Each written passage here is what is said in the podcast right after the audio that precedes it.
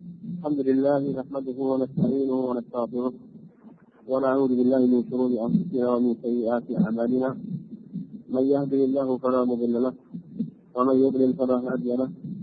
وأشهد أن لا إله إلا الله وحده لا شريك له وأشهد أن محمدا عبده ورسوله.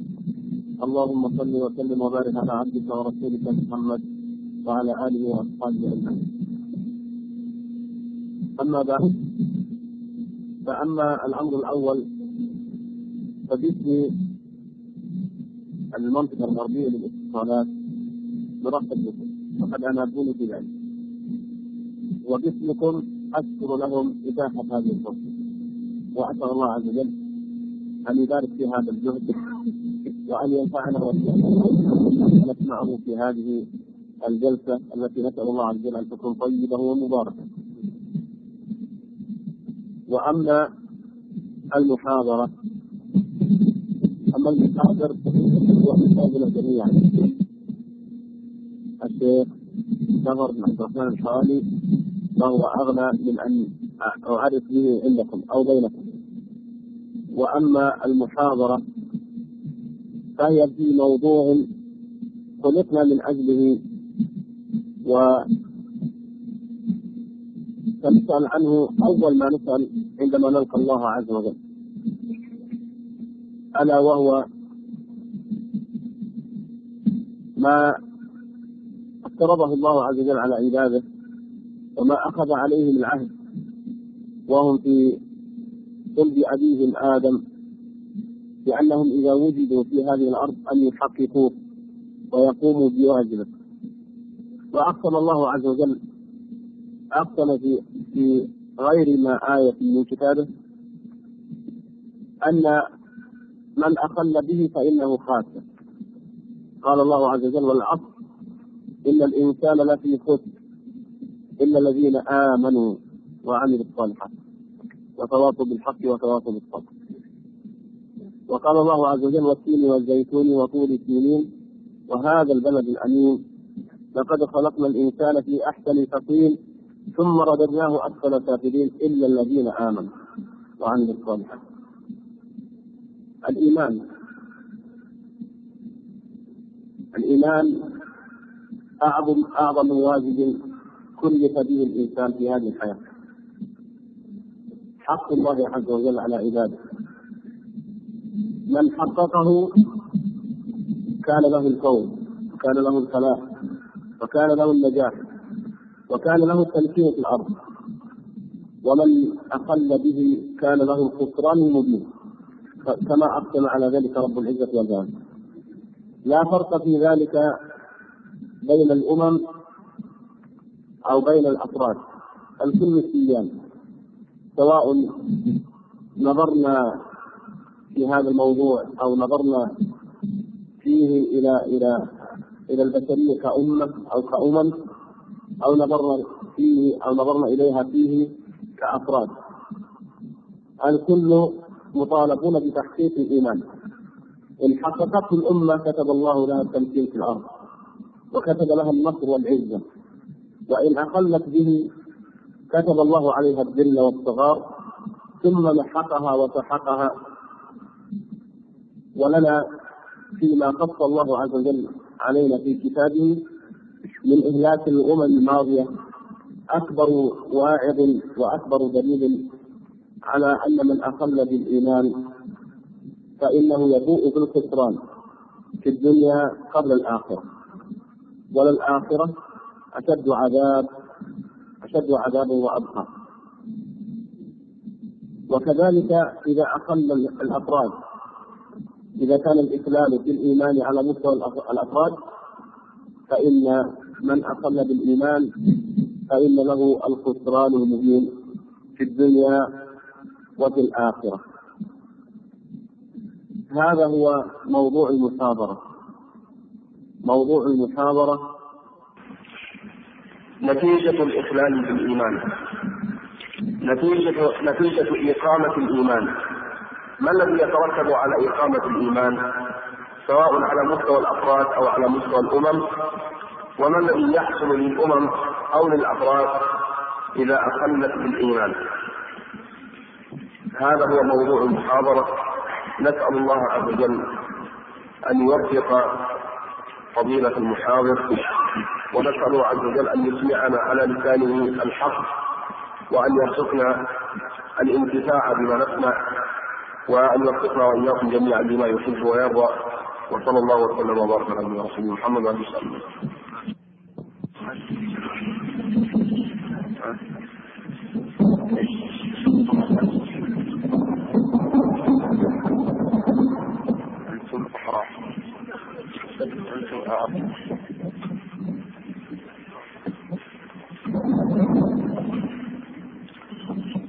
لله رب العالمين.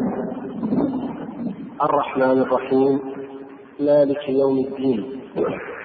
وصلى الله وسلم وبارك على نبيه محمد المبعوث رحمة للعالمين الذي علمنا الإيمان والتوحيد وحذرنا من الشرك والضلال والبدعة ورد خفت أمة أخرجت للناس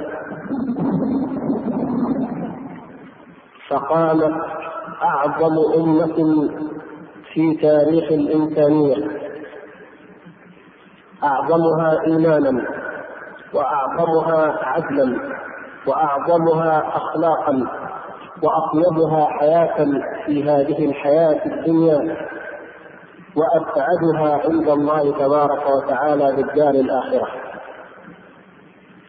وأسأل الله تبارك وتعالى أن يكتب لي والإخوان الكرام جميعا أجر هذه الليلة وهذه الجلسة التي نحتسبها عند الله تبارك وتعالى. ونرجو أن نلقاها أو نجدها في موازيننا يوم نلقاه. والأمر كما تفضل الشيخ أتابه الله. الإخوان جزاهم الله خيرا في هذه الإدارة وفي غيرها. أرادوا أن يكون الحديث عن أثر الإيمان. في بناء الأمم والأفراد وبالمقابل عن أسباب انهيار الأمم. ولماذا تنهار أمم وشعوب؟ ولماذا يبقى أفراد؟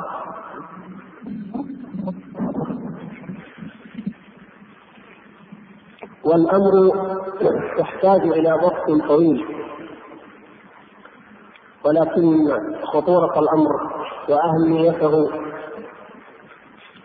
هي التي تجعلنا لأن نتحدث عنه ولا بد بما يفتح الله تبارك وتعالى به علينا.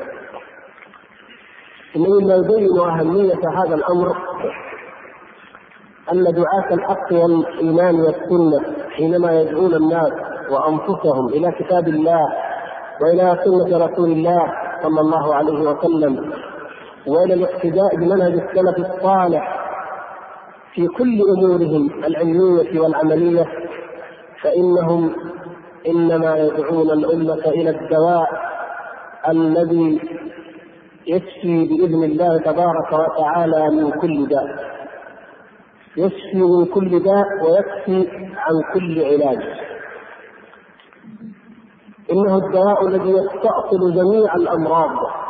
في قلوب العباد وأمراض الأمم عامة ويمنع أسباب الانهيار التي يتعرض لها الفرد أو تتعرض لها الأمة.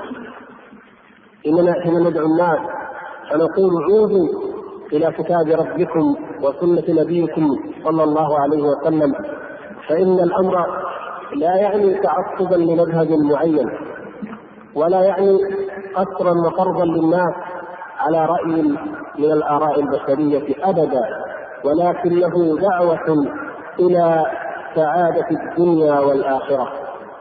دعوة إلى المنهج القويم الذي يكفل ويضمن للإنسانية أفرادا وشعوبا أفضل الحياة في الدنيا. ويحقق لها عند الله تبارك وتعالى النجاة من العذاب في الآخرة. إن العالم اليوم أيها الأخوة الكرام يخاف من الانهيار ويخشى منه وما من دولة أو فرد إلا وهي تخشى ذلك وتحسب الحساب له. حتى أقوى وأغنى دول العالم تتحدث كثيرا عن مسألة الوجود وإثبات الوجود. وتضع الخطط الطويلة والبعيدة المدى لتبقى ولتصارع ولتزاحم في خضم معترك الحياة التي جعلوها هم صراعا كصراع الوحوش بالغاب ولكن الذي يؤلم كل من يؤمن بالله واليوم الآخر أن هذا العالم إلا ما قل لا ينظر إلى مسألة الانهيار وأسباب سقوط الأمم إلا من زاوية واحدة فقط وهي الزاوية المادية أو الاقتصادية. حتى المسلمين حتى هذه الأمة المباركة حتى الذين يقرؤون كتاب الله ويسمعونه آناء الليل وآناء النهار ويسمعون الأذان خمس مرات في اليوم والليلة حتى الذين يؤمنون بالآخرة أكثرهم من هذه الأمة أصبحوا يصدقون هذا فيبنون خططهم وأفكارهم وآراءهم على أن الحياة مرتبطة بالاقتصاد وبالمادة وأن الخوف يجب أن يكون لدى الأفراد أو الأمم الخوف من الفقر الخوف من الجانب المادي أن ينهار ينهار الفرد أو تنهار الأمة. ويشغل ذلك حيزا كبيرا من تفكير الناس المسلم منهم والكافر. ونحن أمة الإسلام والقرآن يجب علينا أن نعرض كل أمر من الأمور على كتاب ربنا وسنة نبينا صلى الله عليه وسلم. لنعرف قيمة هذا الإيمان وحقيقة هذا الإيمان وأنه هو الذي به تصلح دنيانا وأخرانا. وأما المقاييس والمعايير التي يقيس بها الكفار والماديون والشيوعيون والملاحدة فليست بعبرة ولا حجة عند من يؤمن بالله واليوم الآخر من يؤمن بكتاب الله وسنة رسوله صلى الله عليه وسلم. هذا نبي الهدى نبي الرحمة صلى الله عليه وسلم يقسم ما الفقر يخشى علينا؟ نعم ما الفقر أخشى عليكم ولكن أخشى أن تفتح عليكم الدنيا كما فتحت على الذين من قبلكم فتتنافسوها كما تنافسوها فتهلككم كما أهلكتهم. أي رحيم وأي مشفق وأي ناقص أفضل وأعظم من رسول الله صلى الله عليه وسلم. لا أحد والله أبدا. ومع ذلك ينصح لهذه الأمة. وهو الذي شفقته ورحمته ورأفته بها كما قال ربه عز وجل بالمؤمنين رؤوف رحيم. وهو الذي في يوم القيامة في يوم الكرب الأعظم بل لا كرب أعظم منه. حين يقول كل نبي نفسي نفسي يقول صلى الله عليه وسلم أمتي أمتي. هذا فعله صلى الله عليه وسلم. كمال الشفقة والرحمة والرأفة. ومع ذلك يخبرنا أنه لا يخشى علينا وهو الذي يخشى علينا من أي ضرر وإن كان قليلا والذي دلنا على ما ندفع به كل شر وإن كان ضئيلا ما الفقر؟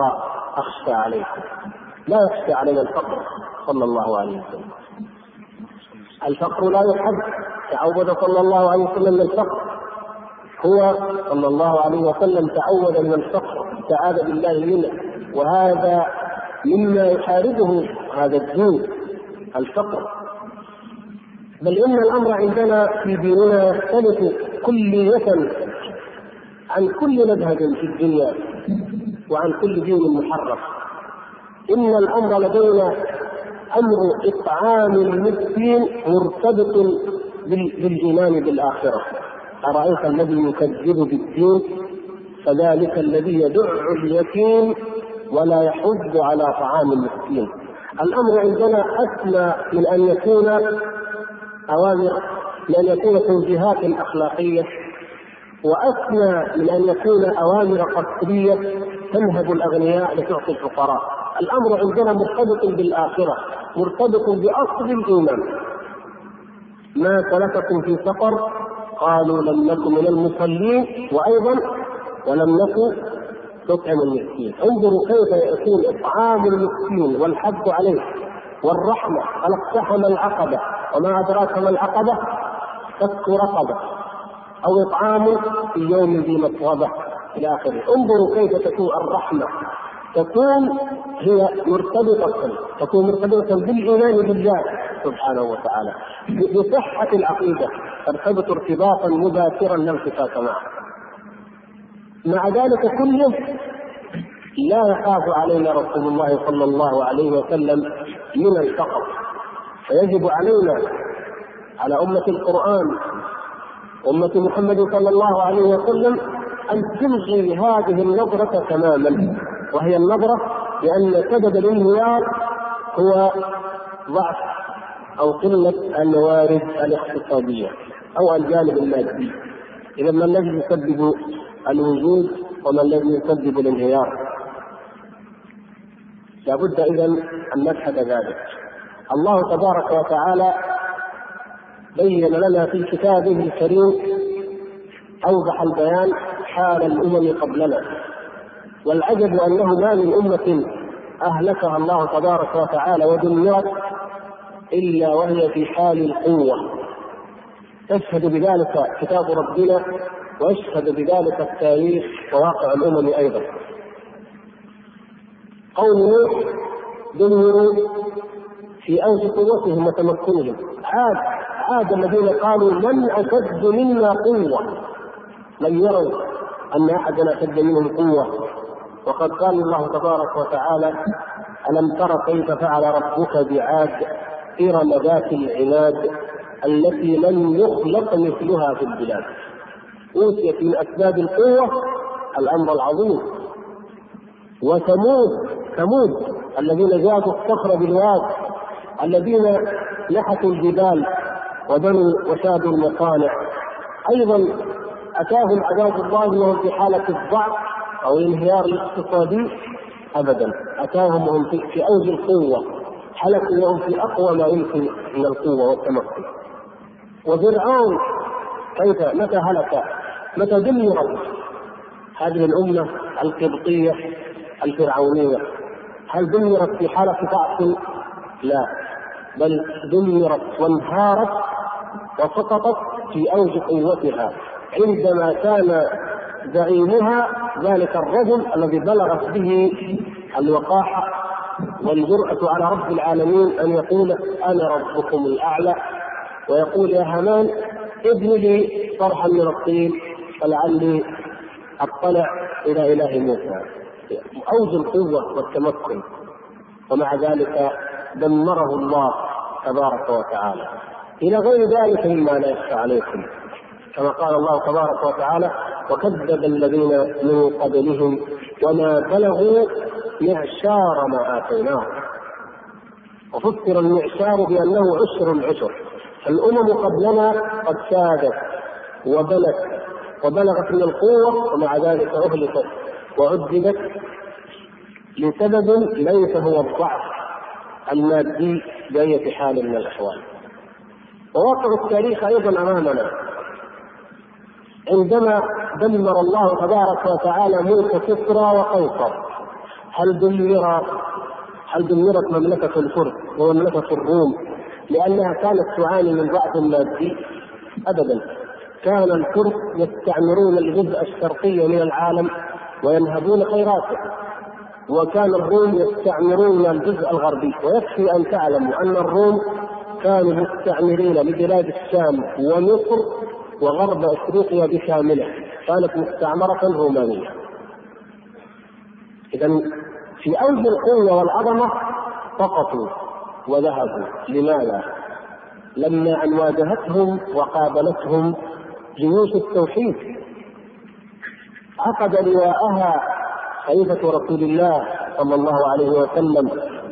من ذلك البلد الطيب الطاهر عقد لواء جيوش من عدد قليل وعدة قليلة وذهبت وانطلقت ذات اليمين وذات الشمال فطوحت بأعظم دولتين في تاريخ القرون الوسطى كيف كيف انهارت ولماذا انهارت؟ هل الذي سبب الانهيار هو الضعف المادي أو الاقتصادي التفكك السياسي أو أو إلى آخره. مع الأسف نقرأ هذا الكلام في التاريخ نسمعه في محاضرات أو ندوات يكتب في الصحافة في في كتب. أمر يشيع بين المسلمين حتى غفلت أمة الإسلام عن هذه الحقائق الجلية. وأصبحت أمة مادية تنظر إلى إلى التاريخ إلى أسباب البقاء إلى أسباب الفناء إلى أسباب الحياة الطيبة وإلى أسباب الحياة الشقية نظرة مادية بحتة. كيف كان رسول الله صلى الله عليه وسلم يعيش؟ وكيف كان كسرى يعيش؟ الله أكبر. وهل هناك مجال للمقارنة؟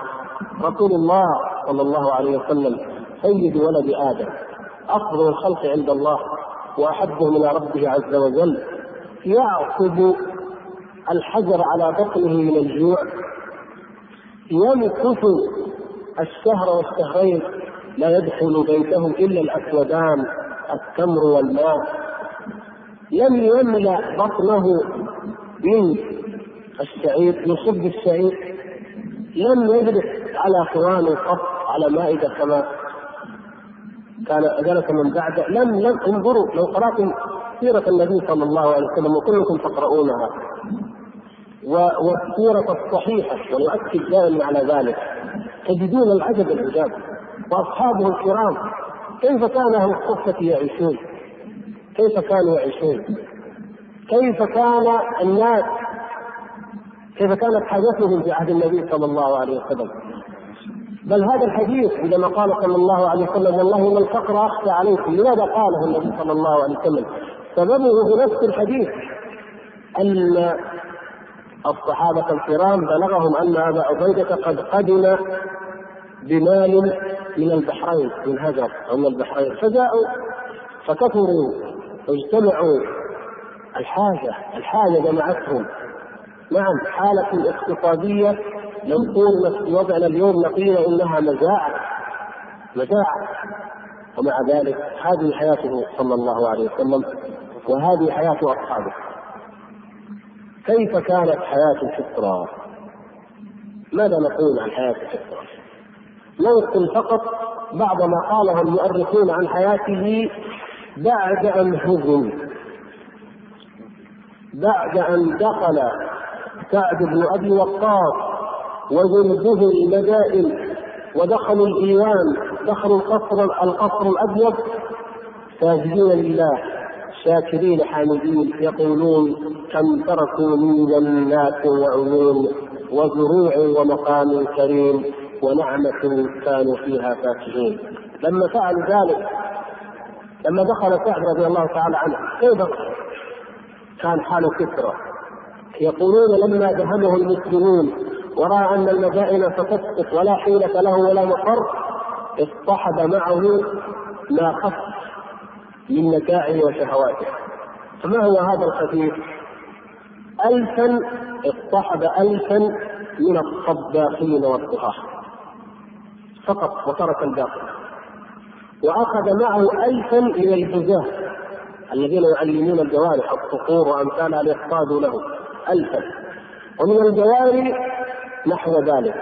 وحمل من اليواقيت ألف حمل أو ما أشبه ذلك. هذا فقط وهو هارب. أخذ الشيء الخفيف العجل يهرب من وجه هؤلاء المؤمنين. وترك من الكنوز العظيمة ما أورثه الله لأمة الإيمان. تصديقا لقوله صلى الله عليه وسلم هذا ما الفقر أخشى عليكم وتصديقا لقوله صلى الله عليه وسلم والذي نفسي بيده لتنفقن كنوزهما في سبيل الله. إذا هلك كسرى فلا كسرى بعده وإذا هلك قيصر فلا قيصر بعده. والذي يكفي بيده لتنفقن كنوزهما في سبيل الله عز وجل. انظروا ما قال لتستثمرن أموالهما لتنمية أو تحسين أوضاع المسلمين. لا تنفقن في سبيل الله. ولذلك أورد المسلمين هذه القلوب. إذا كان هذا حاله وهو هارب كيف حاله وهو مقيم؟ هذا هذا طاغوت الضلال الذي مزق كتاب رسول الله صلى الله عليه وسلم هذه حياته وتلك حياة خليل الله وحبيبه وصفيه محمد صلى الله عليه وسلم. إذا العبرة في الحياة الطيبة في الحياة السعيدة في بقاء الأمم في سعادتها في الدنيا والآخرة ليست أبدا هي ذلك الجانب الذي يزعمون وإنما هي في الإيمان بالله سبحانه وتعالى والتمسك بكتابه. فمن اتبع هداي فلا يضل ولا يشقى. ومن أعرض عن ذكري فإن له معيشة ضنكا ونحشره يوم القيامة أعمى. عافانا الله وإياكم. الذي يتبع هدى الله لا يضل ولا يشقى. على على الصراط وعلى الطريق المستقيم على الحق وأيضا لا يشقى لا يشقى بتسليط أعداء الله تعالى عليه. لا يشقى بفقر مبقع لا يشقى ببلية لاحقة بعذاب من عند الله يرسله عليه. لا يشقى. وأيضا لا يضل لأنه على الصراط المستقيم. لكن من اعرض إذا أعرض عن ذكر الله فله من المعيشة الضنك بمقدار إعراضه عن ذكر الله. من عمل صالحا من ذكر أو أنثى فلنحيينه حياة طيبة. طيب الحياة وسعادتها بقدر الإيمان. وشقاوتها ونكدها بقدر الإعراض عن ذكر الله تبارك وتعالى. قاعدة مقررة. وليست العبرة بالكثرة بكثرة ذات اليد ولا بالقلة. مع أن لها جانبا مهما لا يبطل لكن ليست العبرة والأساس بها. وإنما هو في اتباع هدى الله سبحانه وتعالى واتباع ما أنزل الله عز وجل. كيف كان حال بني إسرائيل وهذا نموذج مذكور في القرآن ومشهور في التاريخ أيضا. كيف كان حال بني إسرائيل في ظل فرعون؟ هذا الطاغوت الذي لم يحدثنا الله تبارك وتعالى عن طاغوت كحديثه عنه. ولكن ماذا وعدهم الله؟ كيف كان فرعون يصنع بهم يقتل أبناءهم يذبح أبناءهم ويستحيي نساءهم يفعل بهم الأفاعيل. لا قيمة لهم على الإطلاق في ظل هذا المجتمع الظالم.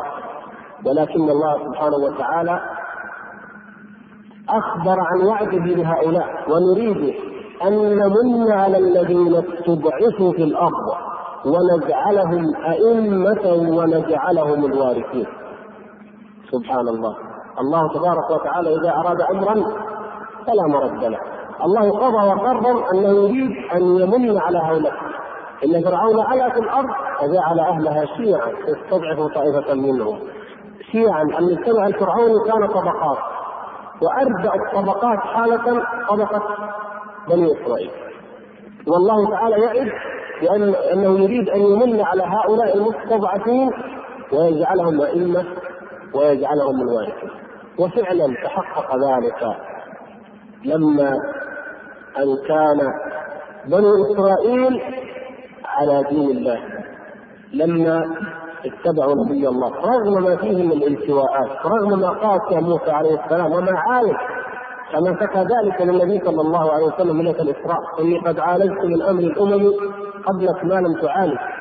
ومع ذلك وأورثنا القوم الذين كانوا يستضعفون مشارق الأرض ومغاربها التي باركنا فيها.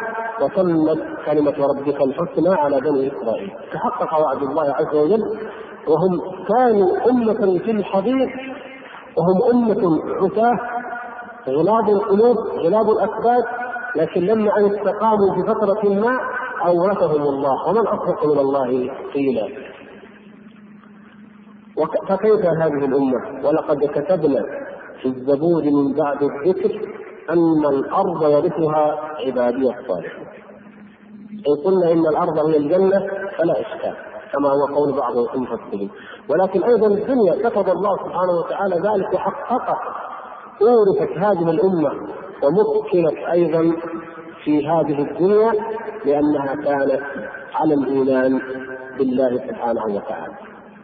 وإن شئتم أن نأخذ نماذج حديثة لنعرف بها قيمه الإيمان الذي انعم الله به علينا. نحن يا إخوان فينا في هذه الأمة وفي النفوس جميعا عادة يجب أن نعلمها وهي من أسوأ ما يعتري النفس الإنسانية ألا وهي أن الإنسان ينسى النسيان والملل وعدم التفكر أو تبلد الإحساس كل ذلك مما جاءت معاني كثيرة في القرآن الكريم. الذي يعيش في النور باستمرار لا يحس بقيمته. وأنا أسألكم سؤالا بسيطا يتعلق بذلك. كم منا في كم شهر أو أسبوع أو يوم في كم من الزمن تتذكر أو أتذكر أنا وأنتم نعمة الله علينا بالكهرباء مثلا ما نتذكر لأنها عادية في حياتنا تماما. لكن كم يعرف قيمة هذه النعمة رجل في البادية في مكان بعيد. وأنا أسألكم سؤالا بسيطا يتعلق بذلك. كم منا في كم شهر أو أسبوع أو يوم في كم من الزمن تتذكر أو أتذكر أنا وأنتم نعمة الله علينا بالكهرباء مثلا؟ ما نتذكر لأنها عادية في حياتنا تماما. لكن كم يعرف قيمه هذه النعمة رجل في البادية في مكان بعيد يعاني من الظلام في الليل. كل يوم يتذكرها لكن نحن متى نتذكرها؟ في نعمة الإيمان تذكر ذلك. الصحابة الكرام لما عرفوا قيمة هذا النور جاهدوا بالله حق جهاده. تجردوا لله عز وجل. لم تأخذهم بالله لومة لائم. تركوا الأهل والمال والدنيا وخرجوا لله جاهدوا فتحوا تعلموا علموا. فهذا حال الصحابة الكرام. لما عرفوا قيمة النور وقيمة الإيمان. لكن متى انتقص الإسلام شيئا فشيئا؟ كما قال عمر رضي الله تعالى عنه إنما ينتقص أو ينتقض الإيمان شيئا فشيئا إذا نشأ في الإسلام من لا يعرف الجاهلية. لا يعرف خطر الشرك وخطر الكفر وخطر البدعة ولا يعرف قيمة واهميه الايمان والمؤلم أكثر فأكثر أننا ننظر إلى العالم الغربي. العالم الذي يعاني أشد المعاناة من المعيشة الضنك والحياة النكدة لأنه بعيد عن الإيمان بالله. ننظر إليه نظرة الإعجاب. ويتمنى كثير وكثير من المسلمين وربما عن طيب نية أن مجتمعاتهم تصل إلى ما وصلت إليه تلك المجتمعات من الرقي ومن التقدم ومن السعادة. وماذا تريدون؟ أي سعادة تريدون في أوروبا وفي أمريكا؟ الإنسان مكفولة له الحرية الشخصية يقول ما يشاء ويذهب اينما شاء. مكفولة له الحياة المادية يعطى السكن المجاني بأقساط زهيدة يعطى فرص الحياة كما يشاء.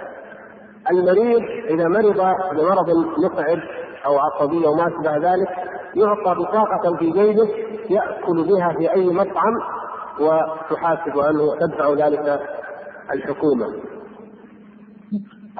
الحياة هنالك من جهة الترفيه كل وسائل الترفيه موجودة. مهيئة. ويذكرون أمورا كثيرة جدا.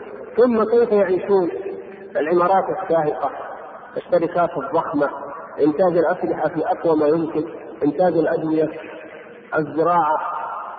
كل وسائل الحياة الدنيا متوفرة لديهم. فيتحرقون ويتسوقون أن يكونوا أفرادا في تلك الأمم ويتمنون أن بلادهم وأمتهم تكون مثل تلك الأمم. هذه النظرة الظاهرة السطحية إلى حياة تلك الأمم نظرة الذين لا ينطلقون من نظراتهم ويقيمون معاييرهم وموازينهم بميزان الإسلام وبما جاء في كتاب الله وسنة رسوله صلى الله عليه وسلم.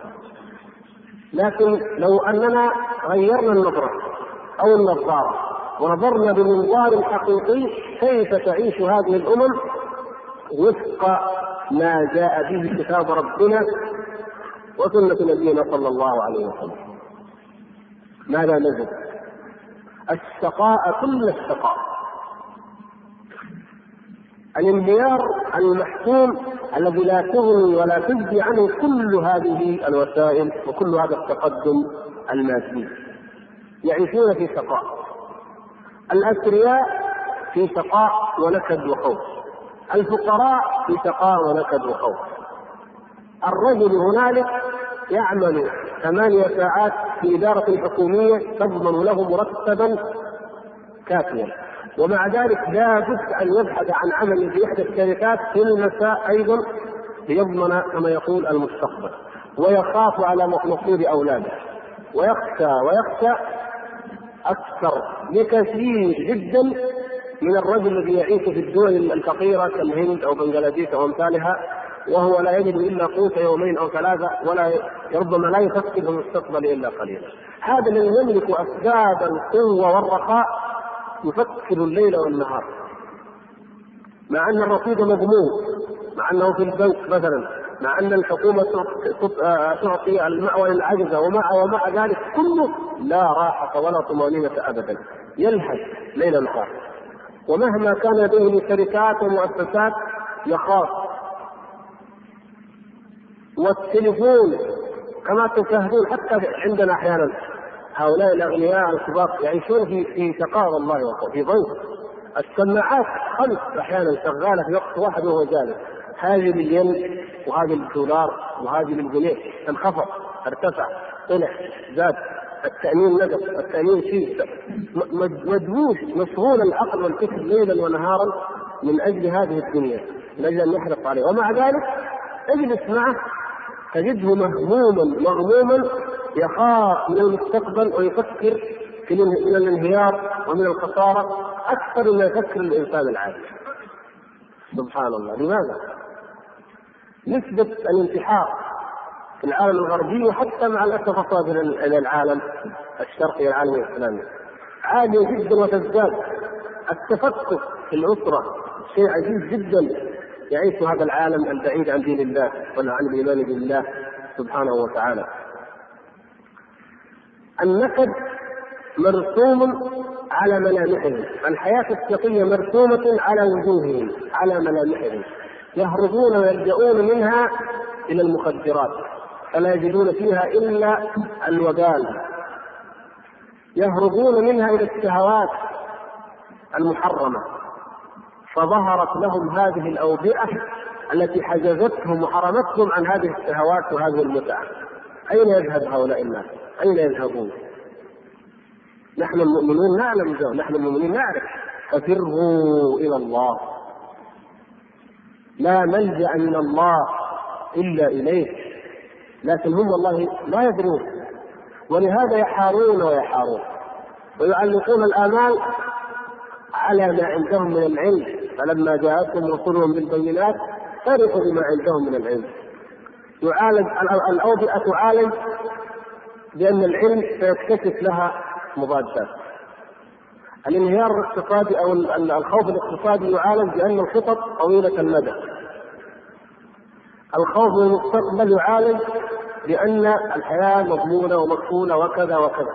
كل ذلك ضمن النظرة المادية القاصره مثل المحبوس في قفص. كل مرة يفكر ويحلم أن القفص سوف يتسع فيطير وهو مرتاح. وما ظن وما درى أنه لن لن يتسع أبدا. وإنما لا حل له إلا أن يخرج من ذلك القفص. أن يخرج من قفص الدنيا من طيق الدنيا إلى سعة الدنيا والآخرة بالإيمان بالله سبحانه وتعالى. وقد تسألون يا إخوان وهذا سؤال مهم. هذه الأمم لم لم يعجل الله تبارك وتعالى لها العقوبة؟ وهو قادر سبحانه وتعالى وأسباب الانهيار والكفر والإلحاد موجود. يجب أن نعلم أن المقابل لم يوجد أو نادر أو قليل. هل قامت الحجة على هذه الأمم؟ من الذي دعاهم؟ إذا دعوا إلى الحق ورفضوه أتتهم العقوبة من عند الله أو بأيدي المؤمنين. لكن نحن المسلمين هذا الذي أريد أن أفصله أساسا ببعدنا عن الله عز وجل. نحن نسهم في بقاء هذه الأمم الكافرة قوية ومسيطرة. لأننا لم نقم عليها حجة الله التي عندها ينزل الله تعالى عليهم العذاب. نعم. الله تعالى جعل سننا لكل شيء. يعذب بعضها ببعض يولي بعض الظالمين بعضا نعم. لكن لو أقمنا نحن حجة الله عليهم لنطال الله عليهم أو أهلكهم بعذاب من عنده كما يشاء. لكن نحن تبع له نحن نردد ما يقولون. ونحن نؤمن بما يقولون ونحن نسعى إلى أن تكون غاية ما نسعى إليه أن نكون مثلهم في التقدم والرخاء والمدنية والحضارة. اذا كيف كيف يرجى دواء وكيف يرجى فلاح وهذه نظرتنا نحن نحن الذين قال الله تبارك وتعالى كنتم خير أمة أخرجت للناس تأمرون بالمعروف وتنهون عن المنكر وتؤمنون بالله. لا نحن نقول نريد أن نلتحق بركبهم ويكفينا ذلك كما يردد البعض.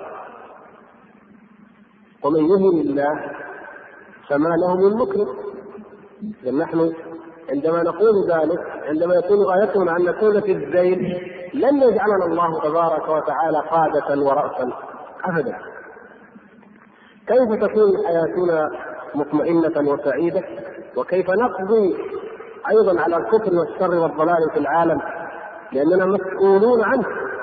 نحن أخرجنا للناس فنحن مسؤولون حتى عن المظالم التي تقع حتى عن الفجور والشرور التي تقع إلى الكفار. وفي بلاد الكفار هنالك مسؤولية من المسلمين لأنك أنت الذي تملك كلمة الله التي لم تحرف ولم تبدل ورسالة الله التي لم تحرف ولم تبدل. ماذا عملت وماذا صنعت؟ والآن العالم أيها الإخوة كما ترون يجب أن تعلموا ذلك العالم أصبح كالقرية تظهر الفكرة الخبيثة في الغرب في المساء وتصبح عندنا. والعكس من غير المستطاع أن تعيش أمة الآن بمعزل عن هذا العالم.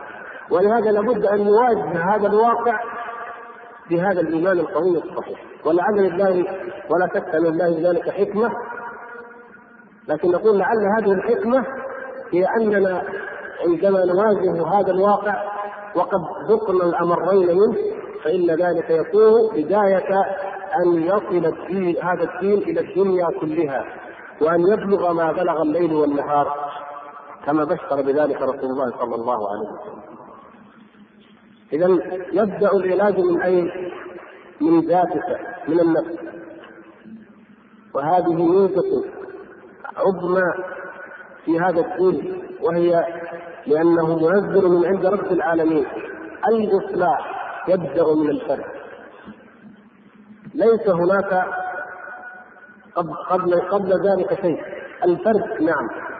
كل إنسان يصلح نفسه ويجب عليه أن يصلح نفسه وجوبا عينيا بتوحيد الله سبحانه وتعالى بالإيمان بالله ايمانا حقيقيا بالتمسك بسنة رسول الله صلى الله عليه وسلم بالدعوة إلى الله على منهج رسول الله صلى الله عليه وسلم بالأمر بالمعروف بالنهي عن المنكر ويعلم أنه سوف يموت ويقبر فردا. وانه سوف يبعث يوم القيامة فردا. فإذا لابد أن يحاسب على كل شيء. ليس هناك حساب جماعي. العقوبة قد تكون جماعية لكن المسؤولية في الأصل هي على كل إنسان. وكل إنسان ألزمناه طائرة في عنقه. هكذا. الله سبحانه وتعالى حدد في آية كثيرة المسؤولية الفردية. وفوق ذلك من حكمته عز وجل ورحمته أن الأفراد مهما قل عددهم إذا قاموا على دين الله على منهج رسول الله صلى الله عليه وسلم وأظهروه ودعوا إليه فإن الله عز وجل ضمن لهم وتكفل لهم بالنصر. وذلك نصف لا يمكن لأحد أن يحول بينه وبينه. بشرط أن يكون الغاية هو ما عند الله سبحانه وتعالى تلك الدار الآخرة نجعلها للذين لا يريدون علوا في الأرض ولا فسادا والعاقبة للمتقين مما يدمر الدعوات الإسلامية أن يجعل الهدف أن تقام دولة الإسلام أو الخلافة الإسلامية وتتمكن على العالم. حقا أن المسلمين يجب أن يكون لهم خلافة ويجب أن يكونوا هم المتمكنين في الأرض. ما في ذلك شك أبدا. لكن القضية لا تكون هدفا وغاية وإلا فسدت النية. هذه من ضمن الوسائل التي يتحقق بها وعد الله عز وجل. إذا فسدت النية لم تتحقق النتيجة أبدا. لكن إذا كان الهدف هو الله والدار الآخرة هو أن ينجو الإنسان بنفسه من عذاب الله سواء مات الآن أو مات بعد حين سواء تحقق النصر أو ما تحقق هو منتصر هو في كل الحالات منتصر إذا استقام على التوحيد والإيمان أنبياء الله ورسله الذين لم لم يتبعهم أحد كما قال صلى الله عليه وسلم ورأيت النبي ومعه الرجل والرجلان والنبي معه الرهب أو الرهيق والنبي وليس معه أحد ماذا خسروا؟ انتصروا؟ نعم انتصروا لأنهم حققوا ما أمر الله دعوا إلى الله. لم يستجب لهم أحد؟ هذا من الله وإليه. ما نقول الهزم. فشل في دعوته. لم يتبعه أحد. لا. ومع ذلك كانت الدعوة لله. فلذلك الذي يريد الدار الآخرة والذي يريد حتى هذه الحياة الدنيا أن ينصره الله في هذه الدنيا فعليه أن يحقق حقيقة الإيمان وتبدأ بأن ينقذ نفسه. ينقذ نفسه من المعصية بطاعة الله سبحانه وتعالى. يحرر رغباته من حب الدنيا والتعلق بشهواتها ومناصبها إلى الدار الآخرة أن يكون رجاؤه عند الله ورغبته فيما عند الله سبحانه وتعالى. الأنصار بايعوا رسول الله صلى الله عليه وسلم على ماذا؟ ماذا كفي لهم النبي صلى الله عليه وسلم؟ الجنة قالوا فما لنا يا رسول الله؟ قال الجنة قالوا ربح البيع لا نقيل ولا نستقيم الجنة ما هي الجنة؟ ما هي الجنة؟ لما هانت عندنا أو بالعكس لما عظمت عندنا الدنيا هانت عندنا الجنة من الذي يحدثنا عن الجنة؟ من يتذكر نعيم الجنة؟ فتنا بزخرف الحياة الدنيا التي لو كانت تعدل عند الله جناح بعوضة ما سقى الكافر منها شربة ماء. ومر رسول الله صلى الله عليه وسلم ومعه جمع من أصحابه بجدي ميت أسك على مزبلة فرفعه النبي صلى الله عليه وسلم وقال من يشتري هذا بدرهم؟ قالوا يا رسول الله. لو كان حيا لاشتراه أحد بدرهم وهو أسد. فقال صلى الله عليه وسلم للدنيا أهون عند الله من هذا عليك. من هذا نعم الدنيا جيفة. إذا تجردت عن الإيمان بالله فهي جيفة. ولتكن حضارات ولتكن صناعات ولتكن قصورا ولتكن ملكا عظيما لكنها تجردت عن الإيمان بالله جيفة. لكن إذا وصلت بالإيمان بالله تتحول إلى الحياة الطيبة. فلنحيينه حياة طيبة. ما قال نسريهم بالمال. ما هو قضيه كثرة مال؟ لأن الكفار يكثر المال فيعاقبون ويعذبون. فلما نسوا ما ذكروا به فتحنا عليهم أبواب كل شيء كل شيء. لكن المؤمنين ولو أن أهل القرى آمنوا واتقوا لفتحنا عليهم ماذا؟ بركات بركات ما قال كل شيء بركات من السماء والأرض. تأتيه البركة قل الراتب وان قلت الوظيفة قل المنصب فيه بركة.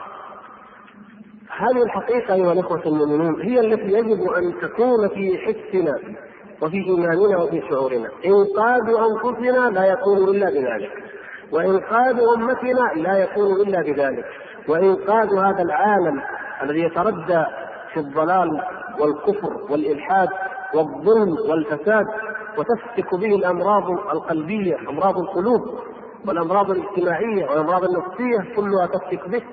لا علاج لذلك كله إلا بالإيمان الصادق بالله سبحانه وتعالى. أن يصبح الإنسان وهمه الدار الآخرة وأن ينفي وهمه الآخرة. ولو جربنا ذلك ولو أن الأمة وصلت إلى هذه الحقيقة لتغيرت نظرتها إلى كل شيء. لكن كيف ننظر نظرة سليمة؟ ونحن نعظم الدنيا وننسى الآخرة. ونحسب حساب كل شيء بالمعيار وبالميزان الاقتصادي والمادي. حتى العلاقات مع الأسف العلاقات بين الأسر أصبحت تقاس بالمادة. العرض والشرف وهو أغلى شيء كان يملكه الإنسان في جاهليته وهو أغلى شيء في إسلامه بعد دينه أصبح يقاس بالمادة أو أهين من أجل المادة. أصبح الإنسان يرضى أن ابنته تعمل وتشتغل وتزاحم الرجال من أجل ثلاثة آلاف أو أربعة ولتكن مليون إذا سخرنا كل شيء من أجل المادة. ثم نقول أجل المادة. ثم نقول كما يتساءل الكثيرون نحن المسلمون ضعفاء مهزومون مغلوبون أو كما يقول العامة الناس في شر، الناس نازل خير، الناس متقاطعين، الناس متهاجرين، الناس لا يرحمون، الناس الناس وكل منا يتكلم عن من؟ عن الناس. لكن كم منا يتكلم عن نفسه؟ كم منا يحاسب نفسه؟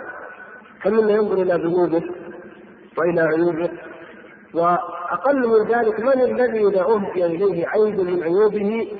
فرح وحمد الله سبحانه وتعالى وشكر له. شكر لذلك صاحب الهدية. من؟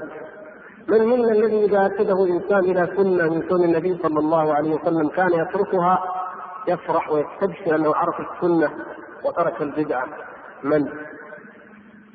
فكيف كيف مع هذا نرجو أن يغير الله ما بنا من حال إن الله لا يغير ما بقوم حتى يغيروا ما بأنفسهم. لا يمكن أبدا. سنة سنة ربانية. لا يجاملنا الله عز وجل بأننا ندعي أننا مسلمون أو ندعي أننا أمة محمد صلى الله عليه وسلم. أبدا. إنما هو حق وإيمان ودين. ما جامل النبي الله سبحانه وتعالى وما حاد أصحاب النبي صلى الله عليه وسلم لما أنعصوا. لما وقع منهم بعض الانحراف في مراحل معينة في أحد وفي يوم حنين وفي غيره أبدا الله غني عن العالمين سبحانه وتعالى. فإذا أردنا أن ننقذ أنفسنا نحن وأردنا أن نفسنا نحن وأردنا أن نفوز برضا الله عز وجل وبسعادة الدارين فهذا هو المنطلق الذي يجب أن نبدأ منه وأختم هذا هذا الكلام بما أؤكد وبدأت به وهو أننا نعرف بذلك أهمية دعوة الناس إلى العقيدة الصحيحة والإيمان الصحيح والتمسك بكتاب الله وسنة رسوله صلى الله عليه وسلم. إنها ليست مجرد آراء ولا تعصبا لأشخاص ولا انتماء لطائفة من المسلمين قديمة أو حديثة أبدا ولكنها المفتاح الوحيد والطريق الوحيد والمخلص الوحيد هو الموقظ الوحيد. نسأل الله سبحانه وتعالى أن يوفقنا جميعا وأمتنا كلها للعودة إلى كتاب الله وسنة رسوله صلى الله عليه وسلم والتمسك بهداه. إنه سميع مجيب. والحمد لله رب العالمين. ونتيح المجال إن كان هناك بعض الأسئلة. وعلى آله وأصحابه ومن والاه. أما بعد فنسأل الله عز وجل أن يثيب المحاضر وأن يرسل له الجزاء الحسن وأن ينفعنا جميعا بما سمعنا وأن يجعلنا جميعا ممن يستمع القول فيتبع أحسنه. الحقيقة عندنا مجموعة من الأسئلة وهي في مواضيع شتى وكان بودي أن يركز على موضوع المحاضرة. لأنها حقيقة مهمة جدا موضوعها مهم وموضوع أساسي مسألة حياة أو موت. إن كان إن كان هذا الكلام أو هذا التعبير يليق بمكانة المحاضرة أو يليق بالموضوع الذي تتكلم عنه وهو موضوع الإيمان ونتائج هذا الإيمان ومردوده سواء كان ذلك على الأمم أو على الأفراد. وكما سمعتم فقد أوفى المحاضر جزاه الله خيرا الموضوع. نسأل الله أن يثيبه وأن ينفعنا بما سمعنا. على كل حال آه الأسئلة كما ذكرت لكم فيها مواضيع شتى ومن جملة المواضيع التي وردت فيها أو الاستفسارات أو تقريبا من من أكثرها من أكثر الأسئلة التي وردت عن موضوع الحداثة. وهو موضوع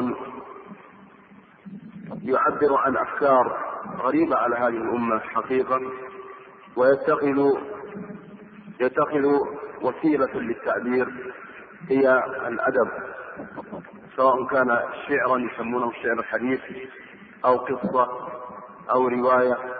إلى غير ذلك من الأنماط المختلفة يتسترون وراءها ليبثوا أفكار غريبة على هذا الدين وعلى هذه الأمة وأيضا حتى على المجتمعات مجتمعاتنا أيضا.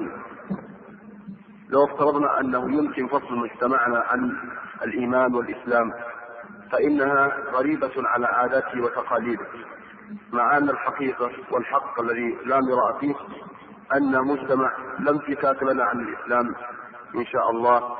نسأل الله عز وجل أن يثبتنا عليه وأن يتوفانا ونحن مسلمين فهذا الموضوع بعض الإخوان يطلب إلقاء الضوء عليه وعلى خلفياته وعلى خطورته على الإيمان وعلى المؤمنين.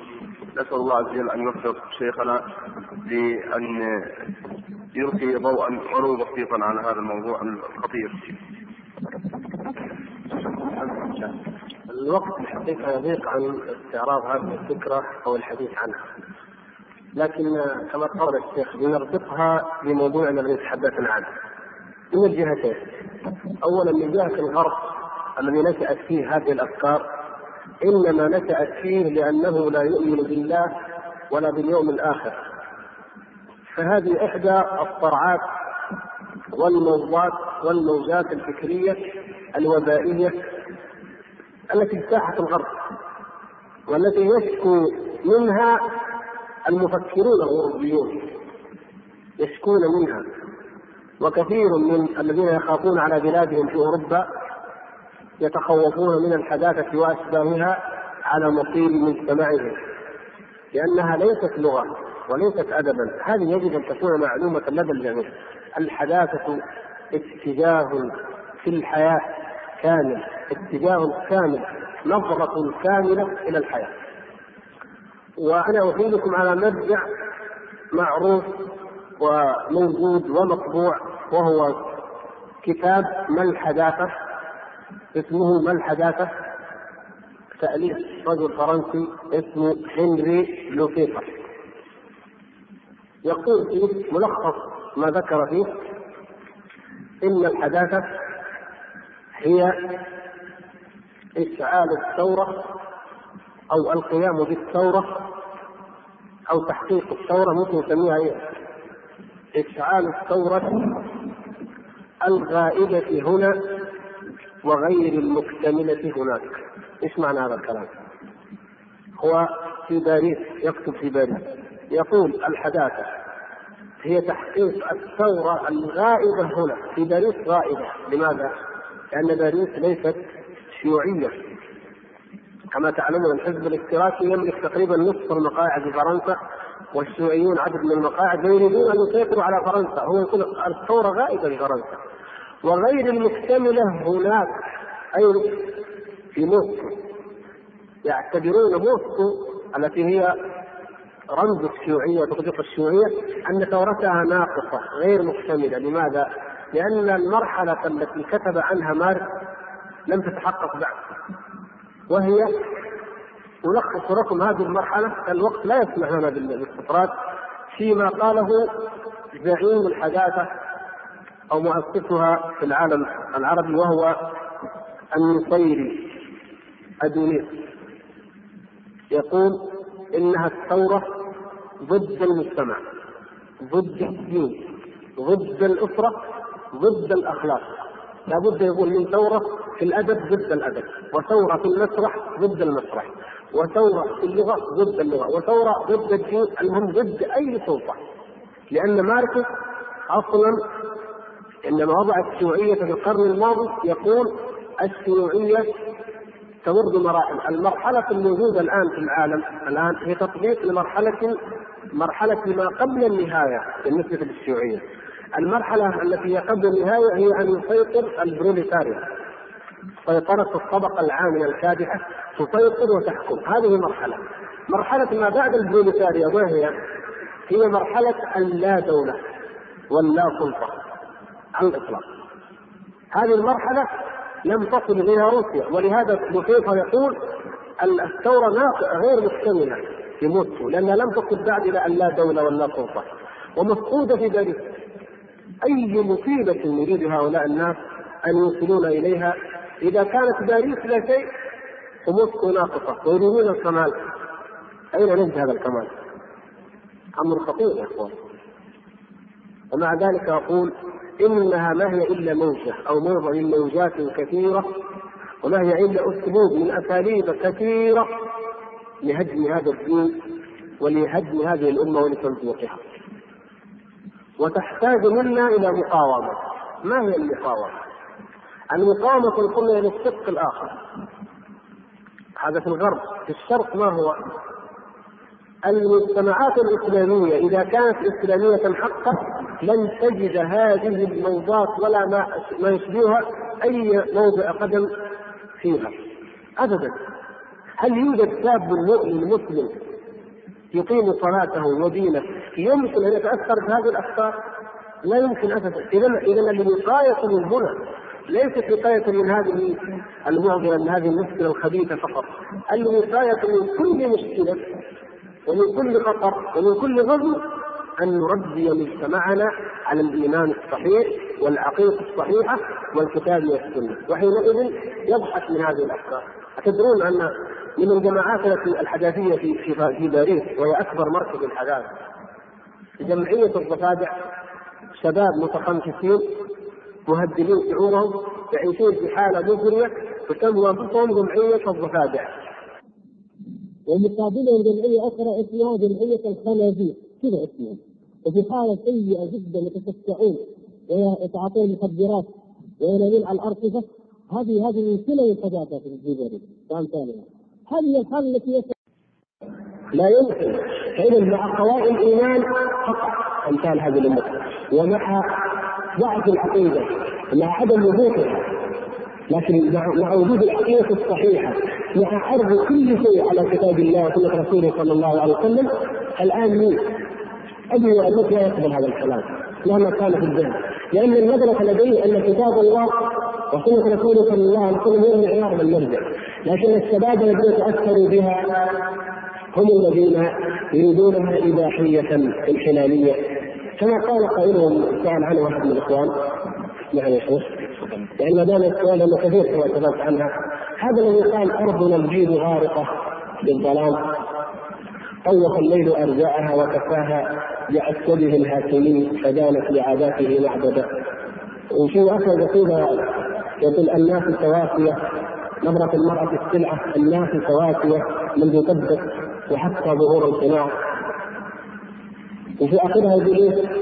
من من حدود من رجال القبيله حتى حدود الدخيلة حتى رجال الجوازات حتى رجال الجمارك لا يأخذون واحد من اخوان الجوازات الجوارك إيش إيش معنى الكلام هذا يا شباب؟ الكلام هذا له مدروس خطير من هو الهاشمي الذي قسى هذه الجزيره وكانت اول شيء بعسكره ليست بعسكره لاحظ العين هذه اما عمدا حرفها هو أو الناصر. ليست بعسكري العسكر هو الذهب. كيف يهجون لا الهاتفيه حكاها بمسجده. من هو الهاتفيه الذي جعل جزيره العرب مسجدا ودانت له معبدا لله؟ من هو؟ ما في الرسول صلى الله عليه وسلم. ثبت هذه دين في الإنجيل ولا في التوراة ولا في كلام مالك ثبت فين؟ في القرآن. منذ ثبت وحتى ظهور القناع عزيز ثبت لأن فيها إيش؟ حمالة الحطب الناس توافية كيف المرأة مذمومة؟ ها؟ فحتى ظهور القناع. القناع هذا الدخيل كما يقولون. لجائلين من الافراد وناس جائلين من الشرك ولا المجتمع العربي مجتمع متحرر منطلق والمرأة تكشف وتقول الشعر وتفعل وتفعل. ولماذا هذه لماذا هذه رجال الجوازات ورجال الجمارك؟ اربطوا هذا بما قلته من كلام ابن لا يريدون أي سلطه هذه الجوازات تفتش هذه الجمارك تفتش. هم يريدون اباحيه المطلقه ما فيها سلطه على الإطلاق. لا لدين ولا الاخلاق ولا رقابة. رمز هذه الرقابة الحدود ورجال القبيلة يعني الأعراف القبلية عيب حرام ورمز هذه الرقابه رجال الجوازات ورجال الجمارك. تجيب الأفلام من برا من يوجه رجال الجوازات ورجال الجمارك. تجيب الكتب الشيوعيه لم يقف في وجهه رجال الجوازات ورجال الجمارك. وهم يريدونها اباحيه مطلقة. ولم يتحقق ذلك بإذن الله. هذا لم يتحقق ابدا. هذه نوبه سلطانيه وستضمحل باذن الله. لكن لابد أن نقاومها لا نقاومها بأن بالاسم فقط نحاربها أو نرد عليها أو نكتب. المقاومة كل المقاومة لكل فكرة هي بتربيه أنفسنا على كتاب الله وسنة رسوله. من خلال وسائل اعلامنا من خلال منابر الخطابة والمحاضرة والنصب من خلال التأليف من كل مكان كل منا على ثغره الله الله أن يلقى هذا الدين من قبله. إذا كنا كذلك فمهما هبت الرياح فانها لن تؤثر بإذن الله على قلعه حصينه نسأل الله سبحانه وتعالى أن يبقيها كذلك بإذنه.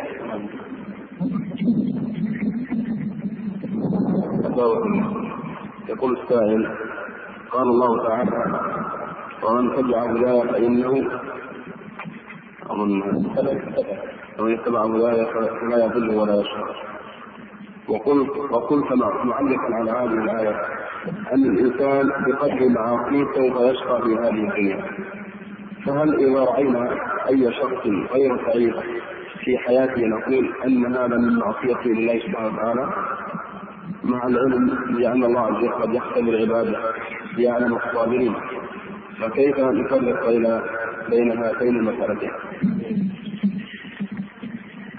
نعم الكلام هنا عن حقيقة الشقاء وحقيقة النكد وهذا كما أشرت ننظر لا ننظر النظرة الظاهرية ولكن ننظر بالنظرة الحقيقية. المؤمن بالله عز وجل حق الإيمان لو ذهب بصره وذهبت أو ذهبت نفسه أو أمواله أو أولاده فهو مطمئن وهو سعيد لأنه يرضى بقضاء الله عز وجل. ويعلم أن هذا ابتلاء. وأن الله تعالى سيعوضه خيرا منه وأنه يجب عليه أن يصبر وأن ما قدر الله فهو كائن مهما مهما عمل ومهما احتاط.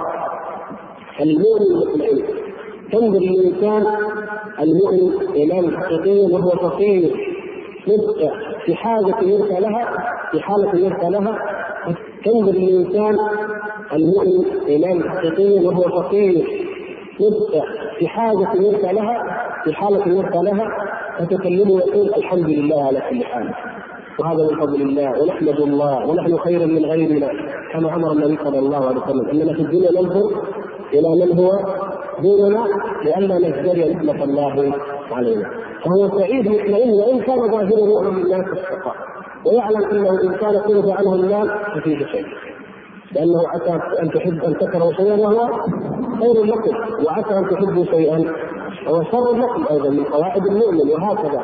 الصبر والثقة بالله سبحانه وتعالى واحتساب البلوى عند الله هذه طمأنينة وعوض الإنسان لا يجدها الكافر أبدا ولا ولا يشعر بها وهو فاقد لهذه النعمة العظيمة. وكم من الناس اهتدى إلى الإيمان لما أصيب بمصيبة أو بمرض. وكم من الناس أصابته نكبة مثلا ماليه أو مادية فكانت سببا في شرائط التجارة فيما بعد. وكم من إنسان طلب من وظيفته فكان ذلك فتحا له في عمل آخر يجر له الخير. وكم وكم من الواقع فكيف من يؤمن بالله بما أعد الله وادخر له في الدار الآخرة؟ فاذا هذا هو حقيقة الشقاء. وكما أن حقيقة حقيقة السعادة. حقيقة الشقاء أيضا أن الفاجر مهما بلغ من الثراء فهو نقي. فهو شقي فهو يائس بائس خالق لا يطمئن ابدا لأن القلب لا يطمئن ابدا إلا بالإيمان بالله سبحانه وتعالى. ألا بذكر الله تطمئن القلوب؟ هذا للحصر بغير ذكر الله عز وجل لا يكون إلا استقامه جزاك الله خيرا. قبل أن ننسى سيكون لكم إن شاء الله محاضره غدا تحديث الأمير منصور لفضيلة الشيخ ربيع بن هادي المدخلي نسأل الله عز وجل أن يجمعنا وإياكم دائما على الهدى والبر والتقوى. بعد ما أقول إن شاء الله. يقول السائل قلت في كلامك أن الأساس في الأمة الفرد وإذا صلح الفرد صلحت الأمة في المقابل الفرد يقول عندما يخطئ يقول أنا فرد وما اثر خطئي هذا في هذا الخضم من البشر فكيف نوفق بين القولين؟ اضرب مثالا على سبيل المثال لعل ينفع الملل يقال إن أحد الملوك كان له وزير قصه فكان الوزير يقول له إن الرعيه فيها من يحبك وفيها من يبغضك وهو مصر على أن هذه الرعية ليست كذلك. كلها على الصدق وعلى الإخلاص وعلى الوفاء وفيها الغشاش والكذاب. ويزيدك وأنا اعرف بالناس وأعلم. فقال اذا اردت أن نختبر الناس وحقيقة الناس. نجعل مجالا للاختبار فاتفقوا أن يبني الملك قصرا فخما من جميع الجوانب. كل شيء. ويجعل فيه بركة وهذه البركة يريد الملك أن يجعلها من اللبن بركة من اللبن وأمر الناس اصدر أمره إلى الناس جميعا بأن في مساء إذا روح كل إنسان الحلال النوافي يأتي بإناء كبير من اللبن ويصبه في البركة حتى لا يجد الصباح إلا وتمتلئ ويتنعم الملك يتفتح بالنظر اليها. في عليه اختبارا الناس جاء الليل روح الحلال. جاء كل واحد ليش ما حكم إيش يفرق فصل واحد جاء مع بركه لبن. كل واحد جاب فصل ماء وكب في الظلام وتعمد أن يكون مثلا في الظلام. وكب جاء الملك في الصباح فوجدها ماء. هذا هذا حالة المحيطين. الان يا أخي انت انت يفوز أنا؟ طيب أنا اضرب لك امثله بسيطة عليك حياتنا نسمع محاضر يقول شركات التدخين شركات يهودية شركات نصرانية تحارب الإسلام تفعل تفعل. تجمع الملايين من العالم الاسلامي وتحارب بها المسلمين يعني بكت واحدة اشتريها أنا بخمسه ريال، إيش يفرق مع اليهود والنصارى؟ اشترينا بكت؟ مليون بكت مثلا بجده، مليون القاهرة، مليون في كذا. في العالم الإسلامي اجتمع اليهود فعلا ذاك اليوم ملايين صارت كلها بركة من الملايين. من أجل بكت، إيش يفرق البكت يا شيخ؟ ما يفرق شيء. طيب مجله خبيثة توزع على المكتبات المجله قيمتها 8 ريال. 10 ريال.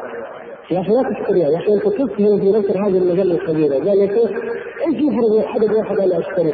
كل واحد منا إيش يفرق أنا أشتري؟ عدد بس واحد. تذهب إلى صاحب المكتبة وكانت المجله اكوان لا تجد منها شيء. اشتريناها وروجناها وكل واحد نظر نفس النظر. إيش يفرق واحد ريال إيش يفرق واحد عدد إيش يفرق واحد بس هذا مشكلتنا لكن الإصلاح فعلا يبدأ من الفرد نعم. إصلاح الأمم يبدأ من إصلاح الافراد كل منا على طبع نفس امام ضعيفة. نفس العلة. الناس ما يسبقون يا شيخ ما في صدق وأنا أيضا أكذب.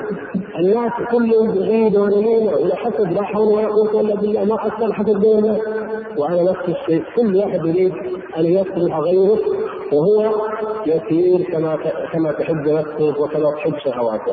لا الله سبحانه وتعالى انظروا كيف يخاطب الإنسان. الإنسان الإنسان كم موضع كم في كم آية؟ يذكر الانسان نفس الإنسان حقيقة هذا النفس حتى يعالجها هو يعالج نفسه. ويحاسب انفراديا على هذه النفس. فإذا أنا اصلحت نفسي ودعوت غيري كل واحد اصلح نفسه ودعا غيره تصلح الأمة بإذن الله. لكن لو دعوت الناس إلى الصلاح ما دعوت ولم اصلح نفسي فلم اصلح بالطبع ولم يستجيب الناس ولن يكون أثرها الصحيح ابدا. هذا المسجد. وإحنا هذا ما هو مسجد الأخوان يقولون الأذان. هذا ما هو مسجد. الأذان يكون في المسجد. هنا هذه صالة استمعون إن شاء الله لما تيسر من هذه الاسئله ثم نصلي باقامه إن شاء الله. وأما الأذان في المسجد لو كان مسجد كان عدلنا عن الوقت علشان جيران المسجد يسمعوا. لكن نحن هنا ما أدري هذا أنا تقدمت على الشيخ لا لا نعم. ما أنا ما أقول نروح المسجد. أنا أقول الأذان. أقول الأذان يكون في المسجد. يضيق نعم. وقت الصلاة نصلي إن شاء الله في الصلاة. لكن لا حاجة للأذان لأن كلنا مجتمعين وهو ليس بمسجد يعني. إيه، ليس بمسجد حتى نؤذن للخارجين. يؤذن في المدينة يا أخي المدينة الآن يؤذن المساجد السؤال يقول السائل تكلمت عن حب الدنيا وأنه من أسباب من الأسباب التي أدت إلى كون الأمة. فما هو السبيل في نزع حب الدنيا من قلوبنا؟ مع العلم اننا نعيش اليوم في دوامة العمل ومتطلبات الحياة. لا شك اننا جميعا نعاني من ذلك ونسأل الله أن يعيننا وكوننا نعايش ونتاجد الحياة فبدا قبلنا أصحاب النبي صلى الله عليه وسلم. وكانوا يضربون في الأرض يبتغون من فضل الله.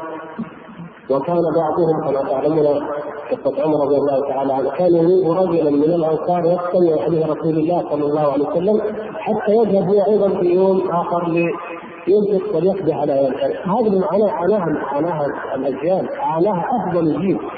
ومع ذلك كان همهم الآخرة العلاج أن ننزع من قلوبنا حب الدنيا وتعظيم الدنيا ونجعل بذلك تعظيم الآخرة، لا أقول نترك أعمالنا، لا أقول لا نحرص على الحلال والرزق الحلال، لا أقول لا نتمتع مما حل الله من الطيبات فإنه أعطانا الله من الرزق أبدا لكن نقول نخرجها من قلوبنا من قلوبنا وليس من أيدينا.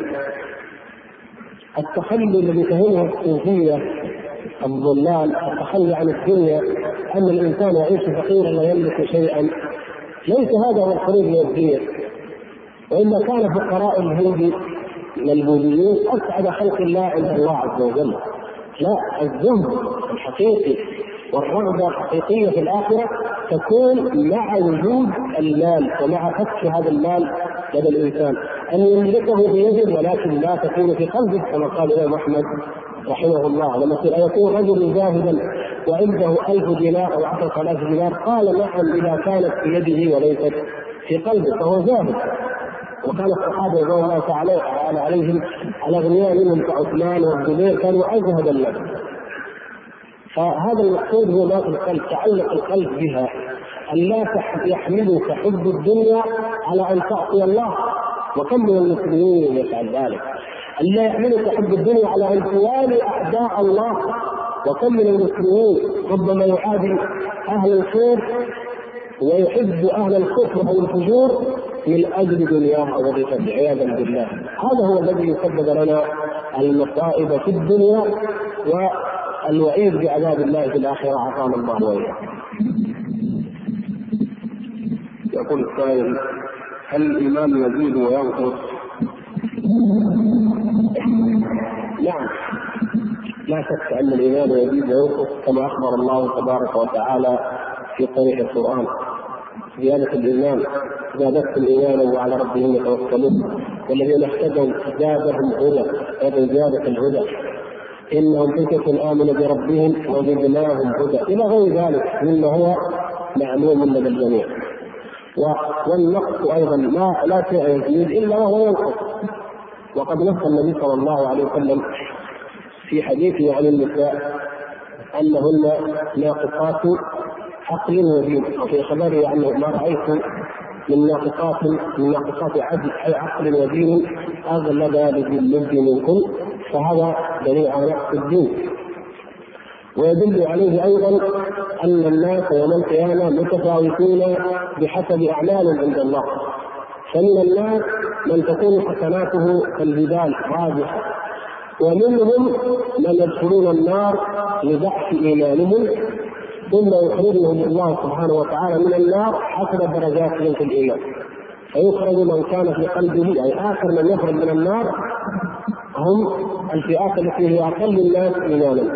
فيأمر الله سبحانه وتعالى ويأذن بأن يشفع فيخرج من النار من كان في قلبه مثقال شهير ثم مثقال ذرة. أو ذرة ثم أدنى أدنى مثقال ذرة. إذا هنا درجات يعني من الإيمان. هنا درجات. بعض الناس إيمانه كأدنى أدنى مثقال ذرة.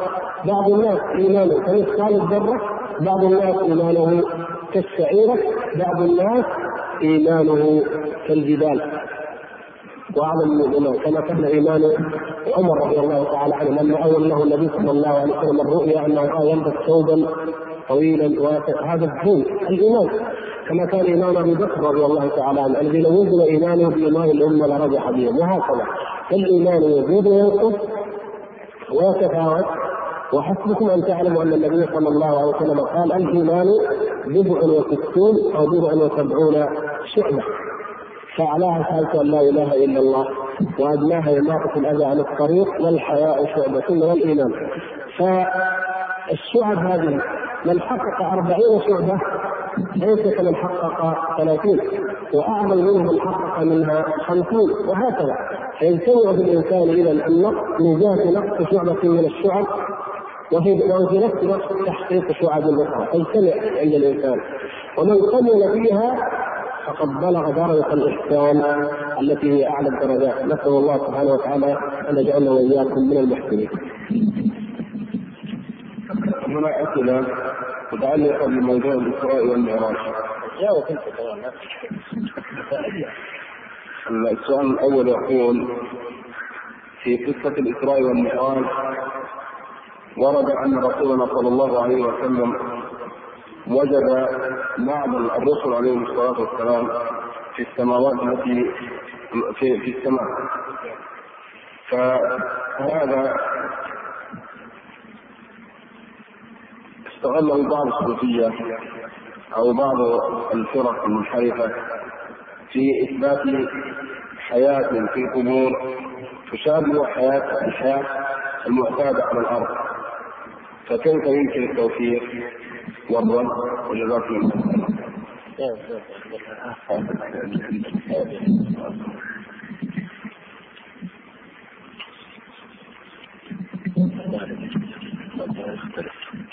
هو لابد الحقيقة من الايجاز يعني اللي كثره الاسئله ولم وقت. ولا يحب أن يمل لكم هؤلاء الذين يعبدون الاموات ويدعونهم من دون الله شبهاتهم كثيرة. ونحن قبل أن نرد على شبهاتهم ونجيب عليها نسألهم على أي أساس بنيتم ذلك. هذا كتاب الله بين أيدينا. في أي آية منه أجاز الله ولا نقول أمر فقط أباح وجاز أن نعبد غير الله وأن ندعو غير الله نبيا أو وليا أو كائنا من كان. في أي آية؟ يوجد؟ أي سنة رسول الله صلى الله عليه وسلم الصحيحة الثابتة. فيها شيء من ذلك بل الله سبحانه وتعالى نزه الأنبياء وبرأهم مما افترت عليهم أممهم ما كان لنبي أن يؤتيه الله الكتاب والحكمة ثم يقول للناس كونوا عبادا لي من دون الله. ما كان؟ لبشر. لبشر نعم. أن يطيع الله الكتابة والحكم والنبوة ثم يقول للناس كونوا عبادا لي من دون الله. سبحان الله. ولقد أوحينا إليك وإلى الذين من قبلك لئن أشركت ليحبطن عملك ولتكونن من الخاسرين. ولو أشركوا لحدث عنهم ما كانوا يعملون. إيش هذا؟ الأنبياء نفسهم يخافون من الشرك واجنبني وبنين أن نعبد الأصنام. الأنبياء نفسهم يخافون من الشرك ويحاربون الشرك. ولا وما كان ابدا لأحد منهم يدعو إلى الشرك ويكره فكيف يأتي هؤلاء ويقولون؟ ندعوهم ونستغيث بهم ونتوسل بهم إلى الله لأنهم أحياء. أحياء عند الله. طيب واذا كانوا احياء هل يعبدون وهم أحياء في الدنيا؟ في الدنيا أحياء حياة حقيقية. هل أجاز النبي صلى الله عليه وسلم لأحد أن يعبده؟ أن يدعوه؟ عياذا بالله من ذلك. لما قال ما شاء الله وشئت وافق قال أجعلتني لله ندا. انظر الإنكار. جعل لله ند هذا أمر عظيم. هذا النديه هي الشرك. ما اقر النبي صلى الله عليه وسلم. ما رضي بهذا العقد ومع ذلك يقولون ندعوهم لأنهم أحياء في قبورهم.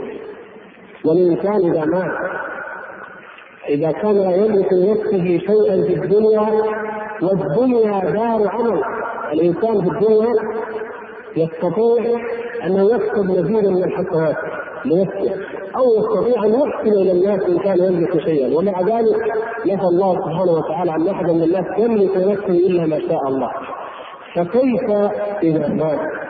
إذا مات أحوج ما يكون إلى ربه عز وجل. يصبح يعطي وينفع ويضر ويدعى ويستغاث بس لو يسمونه الغوث عياذا بالله الغوث. يوم القيامة يا إخوان يتخلى أولو العزم من الرسل يتخلون ويقول كل منهم نفسي نفسي. ورسول الله صلى الله عليه وسلم وحده فقط الذي يأذن له ربه بالشفاعة الكبرى. لا يملكون وهم أولو العزم لا يملكون للناس شيئا ولا يملكون لأنفسهم شيئا يوم القيامة عند الله. كيف يملك البدوي عبد القادر الجيلاني وفلان وفلان؟ كيف يملكون؟ هذا كانوا اولياء الحقيقة وليسوا أفضل من الأنبياء بأي حال من الأحوال مهما كانت ولايتهم. هذه شبهات فقط يزينها الشيطان لعباد القبور والاموات. فكونهم أحياء عند ربهم نعم الله تعالى اخبرنا عن الشهداء الشهداء أحياء عند ربهم يرزقون ولا تقولوا لمن يقتل في سبيل الله أموات طيب الشهداء أحياء الأنبياء حياتهم أكمل بلا شك من حياة الشهداء. فهل ندعو الشهداء نستغيث بهم؟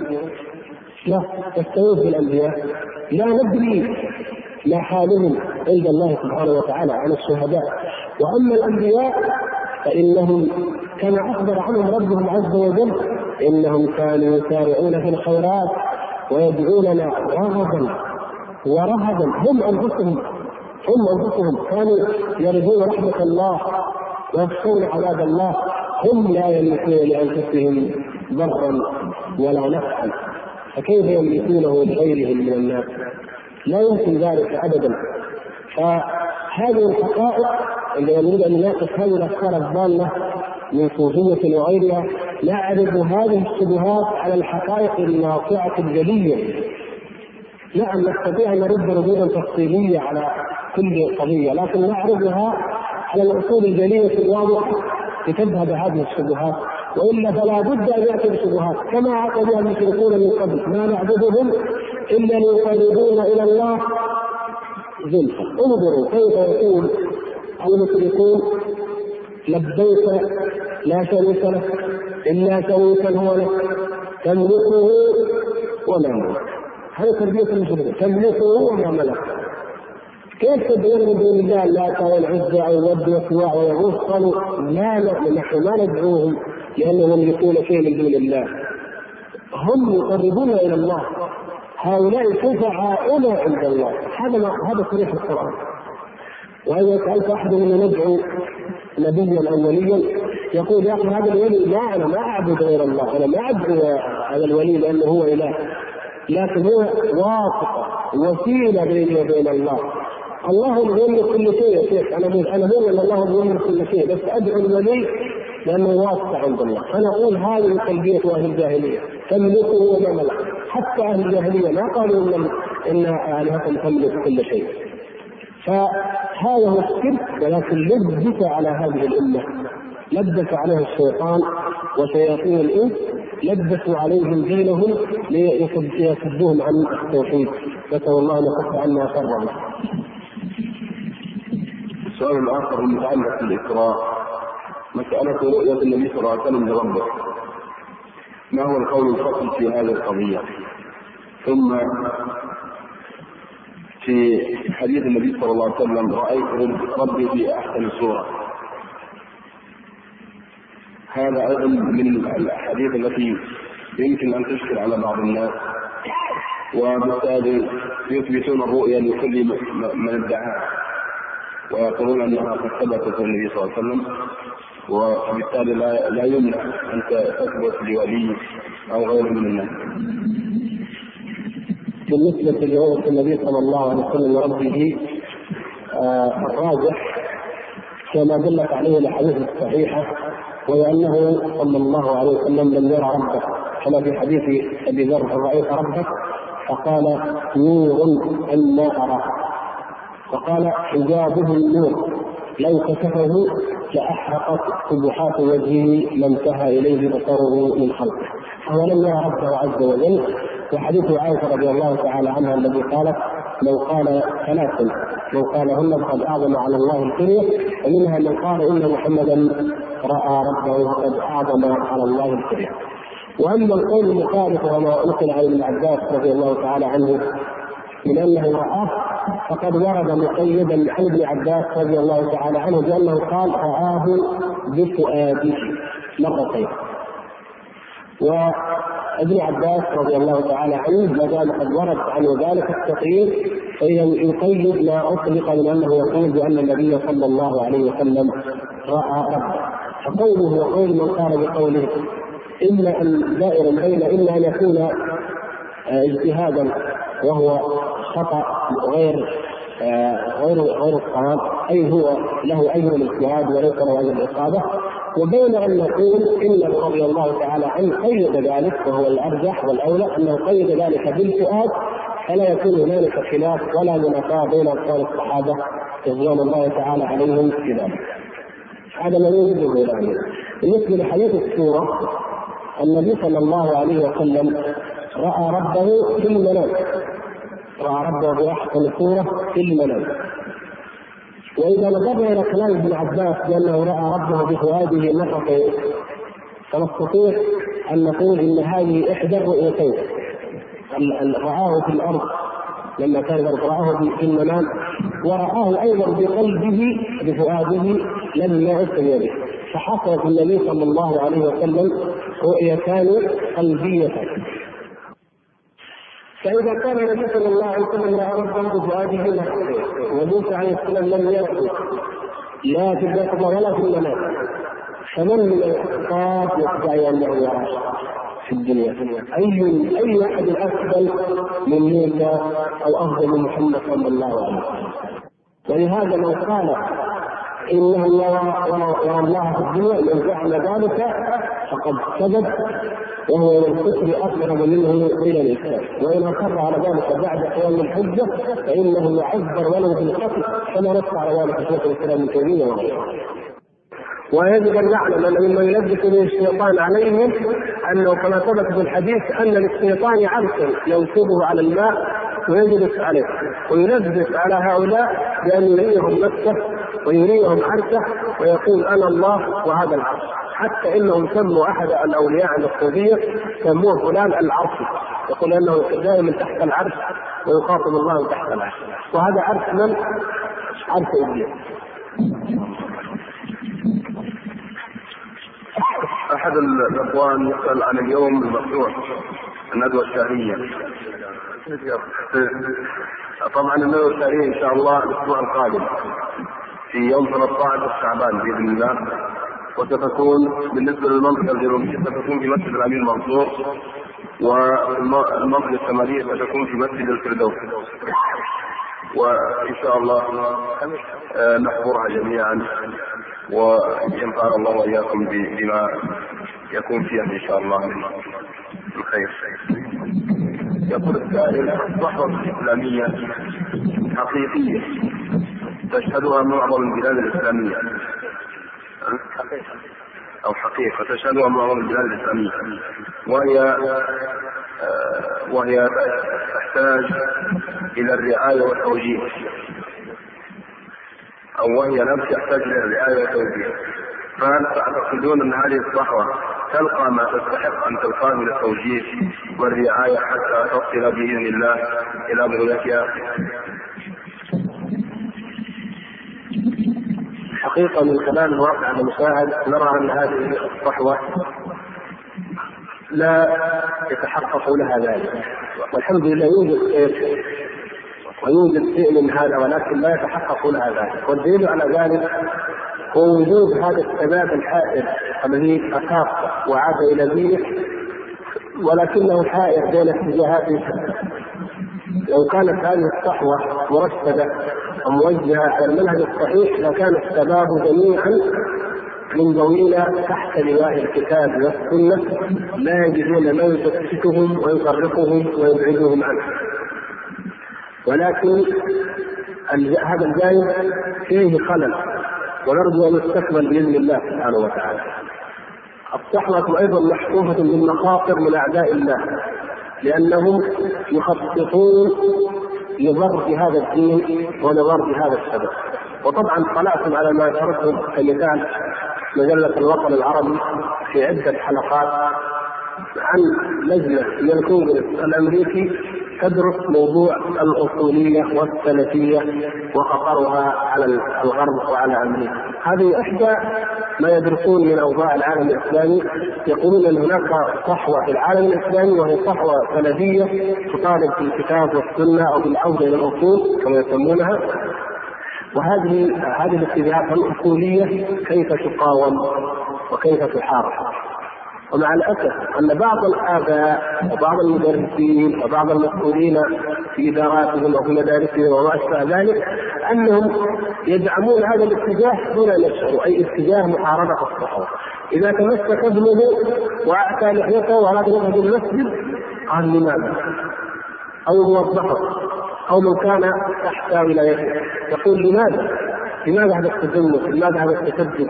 يريد أن يبقى يرى المنكرات ويرى المعاصي اذا الآن لا يريد أن يكون من أهل هذه الصحوة. فهذا هؤلاء الناس يفهمون وعن غير قصد في الغالب في التخطيط الذي يخطط له الكفار وهو إجهاض هذه الصحوة أو تشكيكها. من أعداء الله الذين يعملون لإجهاض هذه الصحوة أصحاب البدع والضلال لأنهم يريدون أن يثبتوا طريقهم أصحاب الضلال يريدون من هذا الشاب الذي عاد إلى الدين وتمسك به أن يكون مريدا في طريقة ما ولا يريدون أن يكون مريدا للكتاب والسنة أي طالبا للحق الذي هو في الكتاب والسنة بل يريدونه ليكون تابعا لهم. يريدون أن يتأثر بأفكار الفرق الضالة وما اكثرها في هذه الأمة. فإذا كان بهائيا أو قاديانيا أو رافضيا أو ما أشبه ذلك فهذا تدين ولكن تدينا لا ينفعه ولا يضر أعداء الله سبحانه وتعالى. وهكذا الصحوة محفوظة بالمخاطر. ومن المخاطر التي يجب ان نتنبه لها العجلة. العجلة يا شباب الإسلام لا تستعجلوا لا تستعجلوا في طلب العلم. ولا تستعجلوا في تغيير المنكر. ولا تستعجلوا في حصول الإيمان الكامل حتى في أنفسكم. لا تستعجلوا خذوا الأمور كلها جميعا بمأخذ النبي صلى الله عليه وسلم وأصحابه. احرصوا واعملوا ولكن على المنهج الصحيح الرتيب الحكيم الذي يبدأ بمقدمات تؤدي إلى نتائج. حتى نضمن هذه الصحوة. وإلا فإننا نخشى عليها ومن أخطر الأمور المحافظه على هذه النبته كما تفضل الاخ بذرها وإنماؤها لا شك أنه عملية شاقة ومجهدة لكن الآن قد وجدت المحافظة عليها من الآثار والهوام والأعداء هي مسؤولية كبرى لا تقل بل هي أخطر من إنشائها ومن تنشئتها. على ذكر الأخبار التي تتحدث الصحوه الإسلامية. نرجو من فضيلتكم ذكر بعض اهداف الباطنيه التي ترصد العداوة للإسلام. وما هي أقوال السلف في هذه الفرق وبماذا تنصح الشباب لمزيد من الوعي عن والدراسة عن هذه الفرق واهدافها واضرارها وقد ذكرت في محاضرة سابقة انك سوف تذكر العوبة تاع رجل سني في الروابط أو بهذا اي نعم هذه ذكرناها. المقصود الباطنية أو غيرها. الباطنية أجمع العلماء على تكفيرها ونصوا على ذلك.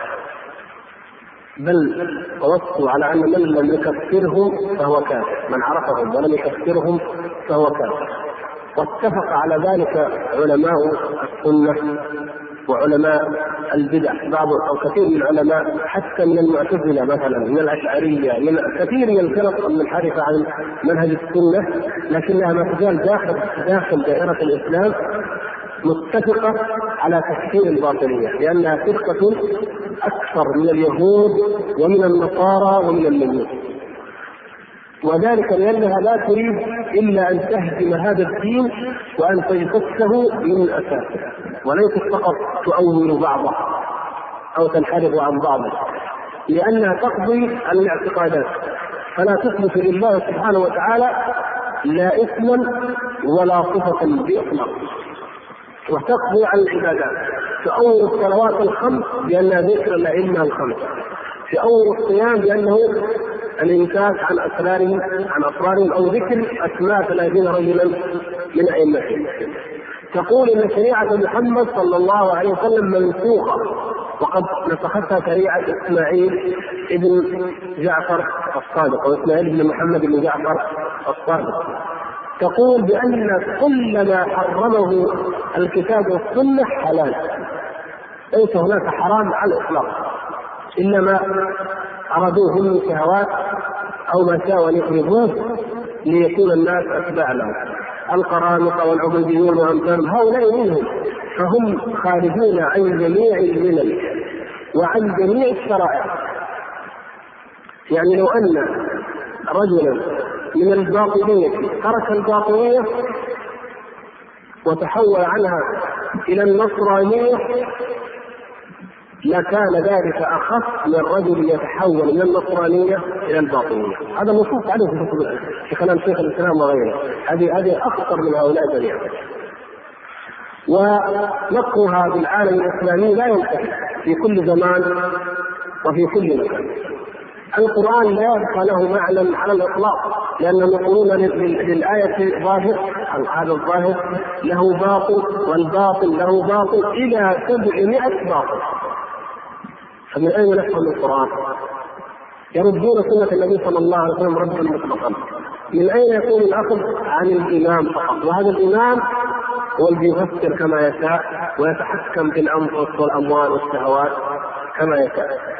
وهؤلاء إلى الآن لهم أئمتهم من البهرة والاغاخانيه وأمثالهم الإسماعيلية وأمثالهم من طوائف الضلال التي نسأل الله سبحانه وتعالى أن يقي المسلمين شرهم فلا نستطيع أن نأتي على كل خطط الباطنيه وأهدافها ولكن خطرها بلا شك عظيم ويجب أن نحذر منها لانها ممكن أن تدخل من باب التشيع وما دخلت ولا جاءت الا من هذا الباب.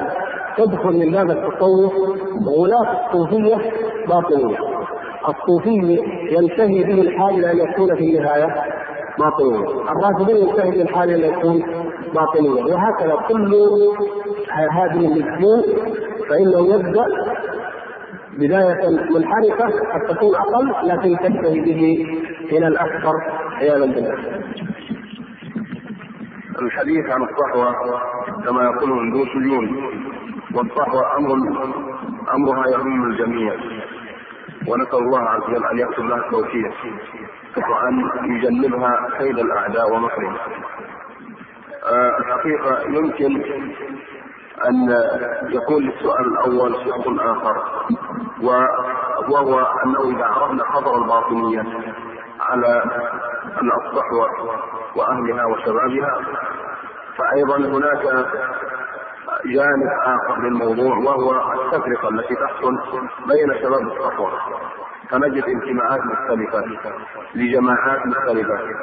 هناك من ينتمي لجماعة تسمي نفسها جماعة التبليغ. وهناك من ينتمي لجماعة تسمي نفسها جماعة الإخوان. وهناك من ينتمي لجماعة تسمي نفسها الجماعة السلفية. إلى غير ذلك من المسميات والاختلافات والتفرقة التي حلت بشباب الصحوة الإسلامية. فهل هذا هل هذه حالة صحية للصحوة الإسلامية أم أن الموضوع يحتاج إلى نظر ويحتاج إلى علاج وإلى وقفة صادقة. إذا كان القصد هو وجه الله عز وجل.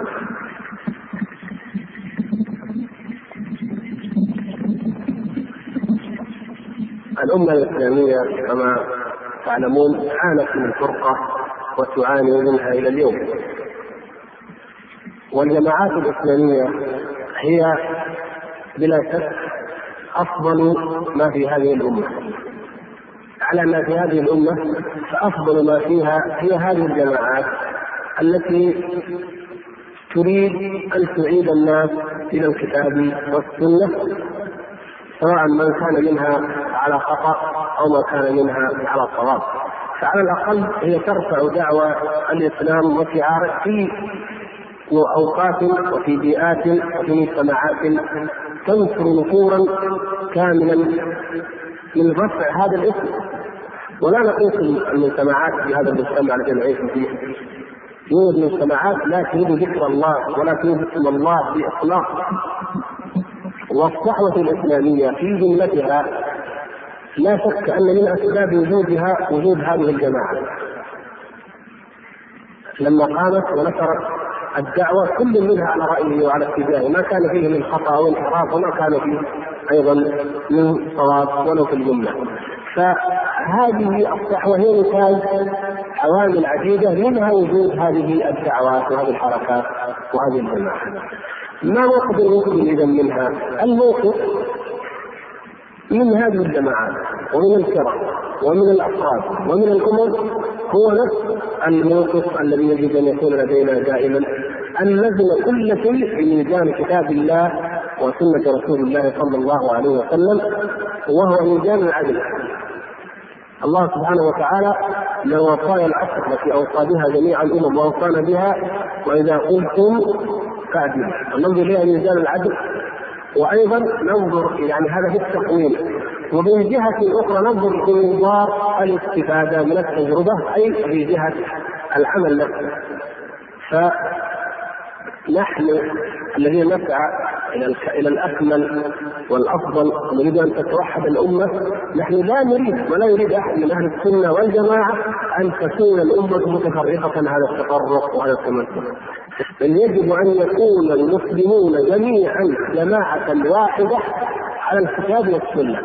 هذا الذي يجب أن يكون عليه المسلمون وجود هذه الجماعات نتيجه التفسق الكبير الذي حدث في الأمة بأكملها.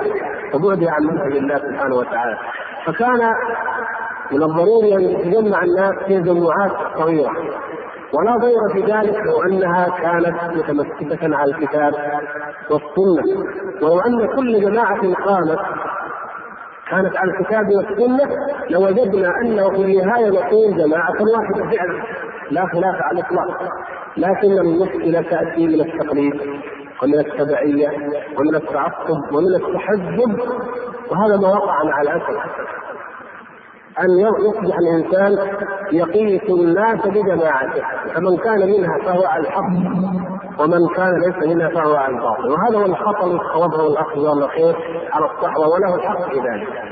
إذا إذا نحن بهذه الحالة قضينا على النتيجة وقضينا على الغاية من أجل الوسيلة.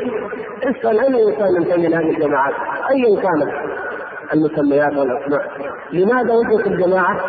من أجل تحقيق الإسلام. على أي شيء تسير الجماعة؟ يقول على الكتاب والسنة. طيب خذوا على ظاهره نخلي نكلم الناس هذا الظاهر على ما عليه من ملاحظات وننظر إلى الواقع. أنت اصبحت توالي وتعادي بناء على هذه الجماعة. أنا حقيقه قلت لكم مره سابقه وأكرر اننا لا نحب ان أن نذكر أحيانا الأسماء لا لأننا نبالي أو نخاف أن نذكر اسما معين لكن لأننا نريد أن ننظر إلى الأمور إلى الأخطاء إلى الانحرافات مجردة لنعرف حجمها. وإلا ترى قد نقع نحن في الخير يمكن أنا مثلا أكون أكره جماعة معينة لسبب ما فاجور واحيف في كل من يذكرها لدي لكن الآن أذكر لكم مثال يمكن تعرفون. بعض الجماعات تطبع وتوزع فتوى لسماحة الشيخ عبد العزيز بن عبد الله بن باز. من منكم لا يحب علم الشيخ عبد العزيز؟ في أحد؟ في أحد ما هو حريص على نشر فتاوى الشيخ عبد العزيز؟ فيه. ما يمكن. طيب كم فتاوى الشيخ؟ حفظه الله ونفعنا بعلمه. كثيرة كثيرة جدا وهي أمور خطيرة. فتاوى في التوحيد فتاوى في أنواع الشرك فتاوى في البدع فتاوى عن الربا فتاوى عن القمار فتاوى عن الفيديو فتاوى عن الغنى فتاوى عن أمور خطيرة. تلهش مجتمعنا وتفتك به. طيب أنتم دعاة هل صورتم فتاوى الشيخ هذه ووزعتوها على الناس؟ لا. صوروا فتوى أو كلام يقول فيه إن الجماعة الفلانية على الحق إذا نحن ندعو إلى من؟ آه. هذا المشكلة يا شباب. هذه المصيبة. والله نصيحة. لا نقولها إلا نصحا إذا نحن الآن ما ندعو إلى الله. ندعو إلى الجماعة. بدليل أن نختار من كلام العلماء ما يؤيد الجماعة. طيب خلاص. إذا ندعو إلى الجماعة. نختار ممن نعادي أيضا من يذكر الجماعة ولو على سبيل الملاحظة نعتبره عدو للجماعة، اذا الولاء في الجماعة والأداء في الجماعة والدعوة إلى الجماعة، اذا ضيعنا الغاية وضيعنا الهدف من أجل الوسيله، لا يا أخي احرص العلم النافع. انشر العلم النافع وزع الفتاوى النافعة. مثلا واطبعها لا بأس. ولكن ما يتعلق بك أنت وبجماعتك والله خير لك وأفضل لك عند الله أن تنظر إلى من ينصحك. ولا أقول ينقذك ولو نقدت أيضا انظر. خير. لكن يجب أن يكون منا نحن نصيحه لا نقبل مجرد نقد. ويجب أن يكون منهم القبول خير لك الذي يقول لك عندك هذا الخطأ. لماذا؟ أنت الذي عليك امل الأمة كما أشرت. أنت أفضل أفضل رجل الامه هم هم جماعاتها هذه فتصرون على أخطاء قد تردنا إلى انحطاط وضياع وضلال. أعظم مما نحن فيه من هذا الواقع. سبحان الله أنتم أحرص أن تستكملوا أي جانب من جوانب الخلل لتقودوا الناس إلى الخير. ولهذا نقول لكل الإخوان ونحن كلنا جميعا الحمد لله من جماعة أهل السنة والجماعة التي بها ولها تجتمع الأمة وعليها تعتمد الأمة يجب أن نكون نحن منقذين ويجب أن نكون حريصين على من ينتقدنا ومن يخطئنا. ويجب أن لا نظهر أنفسنا لو أحد أثنى علينا ومدحنا ما نظهر ابدا. ماذا نظهر؟ نظهر دين الله نظهر دعوة الله. ننشر كتاب الله وننشر سنة رسول الله صلى الله عليه وسلم. فإذا مدحني فربما يكون ذلك في ذلك هلاكي وغر وأستمر في البدعه وأقول فلان الثاني ومدحني. ولكن لو أنتقدني أشكره وأشكر له وأسمع منه. إن كان على حق فجزاه الله عني ألف خير. وأنا أريد النقد. وإن كان مخطئا فأحمله على أحسن المحامل وهو حسن لي وأقول تعال يا أخي أنت تنقذني تريد الحق؟ يقول نعم إن شاء الله. اذا تعال. الحق كذا وكذا وكذا. اتاتي بكتاب الله وسنة رسوله. ما أقول أنا رأيي كذا وشيخنا قال كذا وطائفتنا قالت كذا وفلان قال كذا. ما علامة أهل البدع أصلا. علامتهم أنك تقول قال الله وقال رسول الله ويقولون؟ ابن عباس يقول قال أبو بكر وعمر كما مصيبه قال أقول قال رسول الله وتقول قال أبو بكر وعمر يا ليت أين أبو بكر وعمر؟ تقول قال الله وقال رسول الله وتقول قال فلان وافتى علان ونصح زيد وقال عبيد وجرب فلان سبحان الله هل هذا يقال كلام الله ورسوله؟ وبعدين يا إخوان الدعوة إلى الله بهذه المناسبة الدعوة إلى الله سبحانه وتعالى رسول الله صلى الله عليه وسلم منذ أن نزلت عليه يا أيها المدثر قم فأنذر إلى أن لقي الله وهو يعيش في حالة إيه؟ دعوة. جهاده دعوة تعليمه دعوة نصحه دعوة. كل حياة النبي صلى الله عليه وسلم دعوة داعيا إلى الله. فهل لم نجد في سيرته صلى الله عليه وسلم ما يمثل الدعوة إلا أن نحن نضع قصة كذا نرسمها ونمشي الناس عليها. وأدهى من ذلك اللي ما يمشي عليها منتقد متهم في دينه يفرق الأمة يشتت الصفوف يفعل يفعل يفعل يقول وإلا إذا أثنى علينا فهو الحبيب المقرب والمبرأ من كل عيوب سبحان الله. حياة النبي صلى الله عليه وسلم كلها دعوة. حياة السلف الصالح كلها دعوة. وما تغيرت الأمة من حال سيء إلى حال صالح إلا إذا قام دعاة يدعون لوجه الله لا لأنفسهم ولا لجماعاتهم ولا لأممهم طوائفهم. يدعون لوجه الله ويعلمون الناس العلم النافع ويصلحون القلوب من جميع الأمراض ومنها مرض تزكية النفس ومنها مرض التأسف والاستنكاف عن أن يقال إنك خالفت الحق أو خالفت الدليل. ومنها مرض الجهل من يفتك بهذه الأمة. سبحان الله. بعض هذه الجماعات يقولون لم ينتقد علينا إلا أن عندنا جهل وفينا بعض البدع. طيب وهل وهل عار في الدنيا أعظم من هذين؟ ماذا بعد الجهل والبدعه بالعين؟ اذا راجع نفسك يا أخي. ماذا تريد أن يقال اذا؟ خاسر إذا كان فيك جهل وبدعة البعيد عنك فيه جهل وبدعة ماذا تريد أكثر من ذلك؟ ماذا تريد أن يقال عنك حتى تقول إنه عيب؟ وهذا قدر مشترك كل جماعة أو فرقة خارجة عن منهج أهل السنة والجماعة لا بد أن يكون فيها نصيب لها نصيبها من الجهل ونصيبها من البدعة ونصيبها من الهوى والتعصب والتحزب لا بد. وإذا أردنا أن تجتمع الأمة وهذا ما يجب أن نسعى أن نجمعها على كتاب الله وسنة رسوله صلى الله عليه وسلم. وهذه الجماعات هي أول من من اوجد من يدعى إلى ذلك لأنها تملك التجربة وتملك الجهود وتملك الطاقات والشباب فلو هي توجهت الكتاب والسنة لكان ذلك النفع العظيم للإسلام والمسلمين ولهذا لا ننظر إليها بنظرة العداء لمجرد العداء ولكن ننظر إليها بنظرة الإشفاق ونظرة اللطف ونظرة محاولة الهداية بإذن الله سبحانه وتعالى. ثم أيضا يعني يجب أن نبين لكم ونبين لماذا قلت لكم إن أنا احب ذكر الأسماء أحيانا. أن تحت هذه الأسماء أفراد شتى. تجد بعض الناس ينتمي إلى جماعة من هذه الجماعات الفرد في ذاته وهو على عقيدة طيبة وعلى عمل طيب لكنه يعني خطأه محصور إما في الانتماء أو في أسباب أخرى ليست لا تقدح أي بعباره أوضح نقول لا تجعلك تصنف كل المنتمين إلى هذه الدعوة في صنف واحد. يعني مثلا كما ذكر مثلا الإخوان. يوجد من الإخوان صدفيون يوجد منهم غير ذلك يوجد منهم من ربما يكفر بعضهم بعضا حتى خلافات كثيرة مع الأسف. وهكذا. حتى الجماعات نفسها هذه تجد أن اسمها جماعة وفي بعضها يخالف بعض وبدها فرق وبدها أحزاب وبدها فأقول هذا ليؤكد على أن المعيار يجب أن يكون هو الكتاب والسنة وإلا فاي جماعة من هذه الجماعات لو أخذتها في ذاتها معيارا لقالت لك هذا كلامك لا ينطبق عليه ينطبق على اناس في بلد آخر مثلا يسمونه باسمه أو هذا الكلام ينصرف إلى فلان أو هذا. فتضيع دوامة لا ريح نفسك من هذه الدوامة. اوقظ الباطل من حيث هو باطل والبدعة من حيث هي بدعة. وبين الحق من حيث هو حق بيان الناصح بيان المشفق بيان الحريص على أن تجتمع كلمة المسلمين على كتاب الله. وعلى سنة رسوله صلى الله عليه وسلم.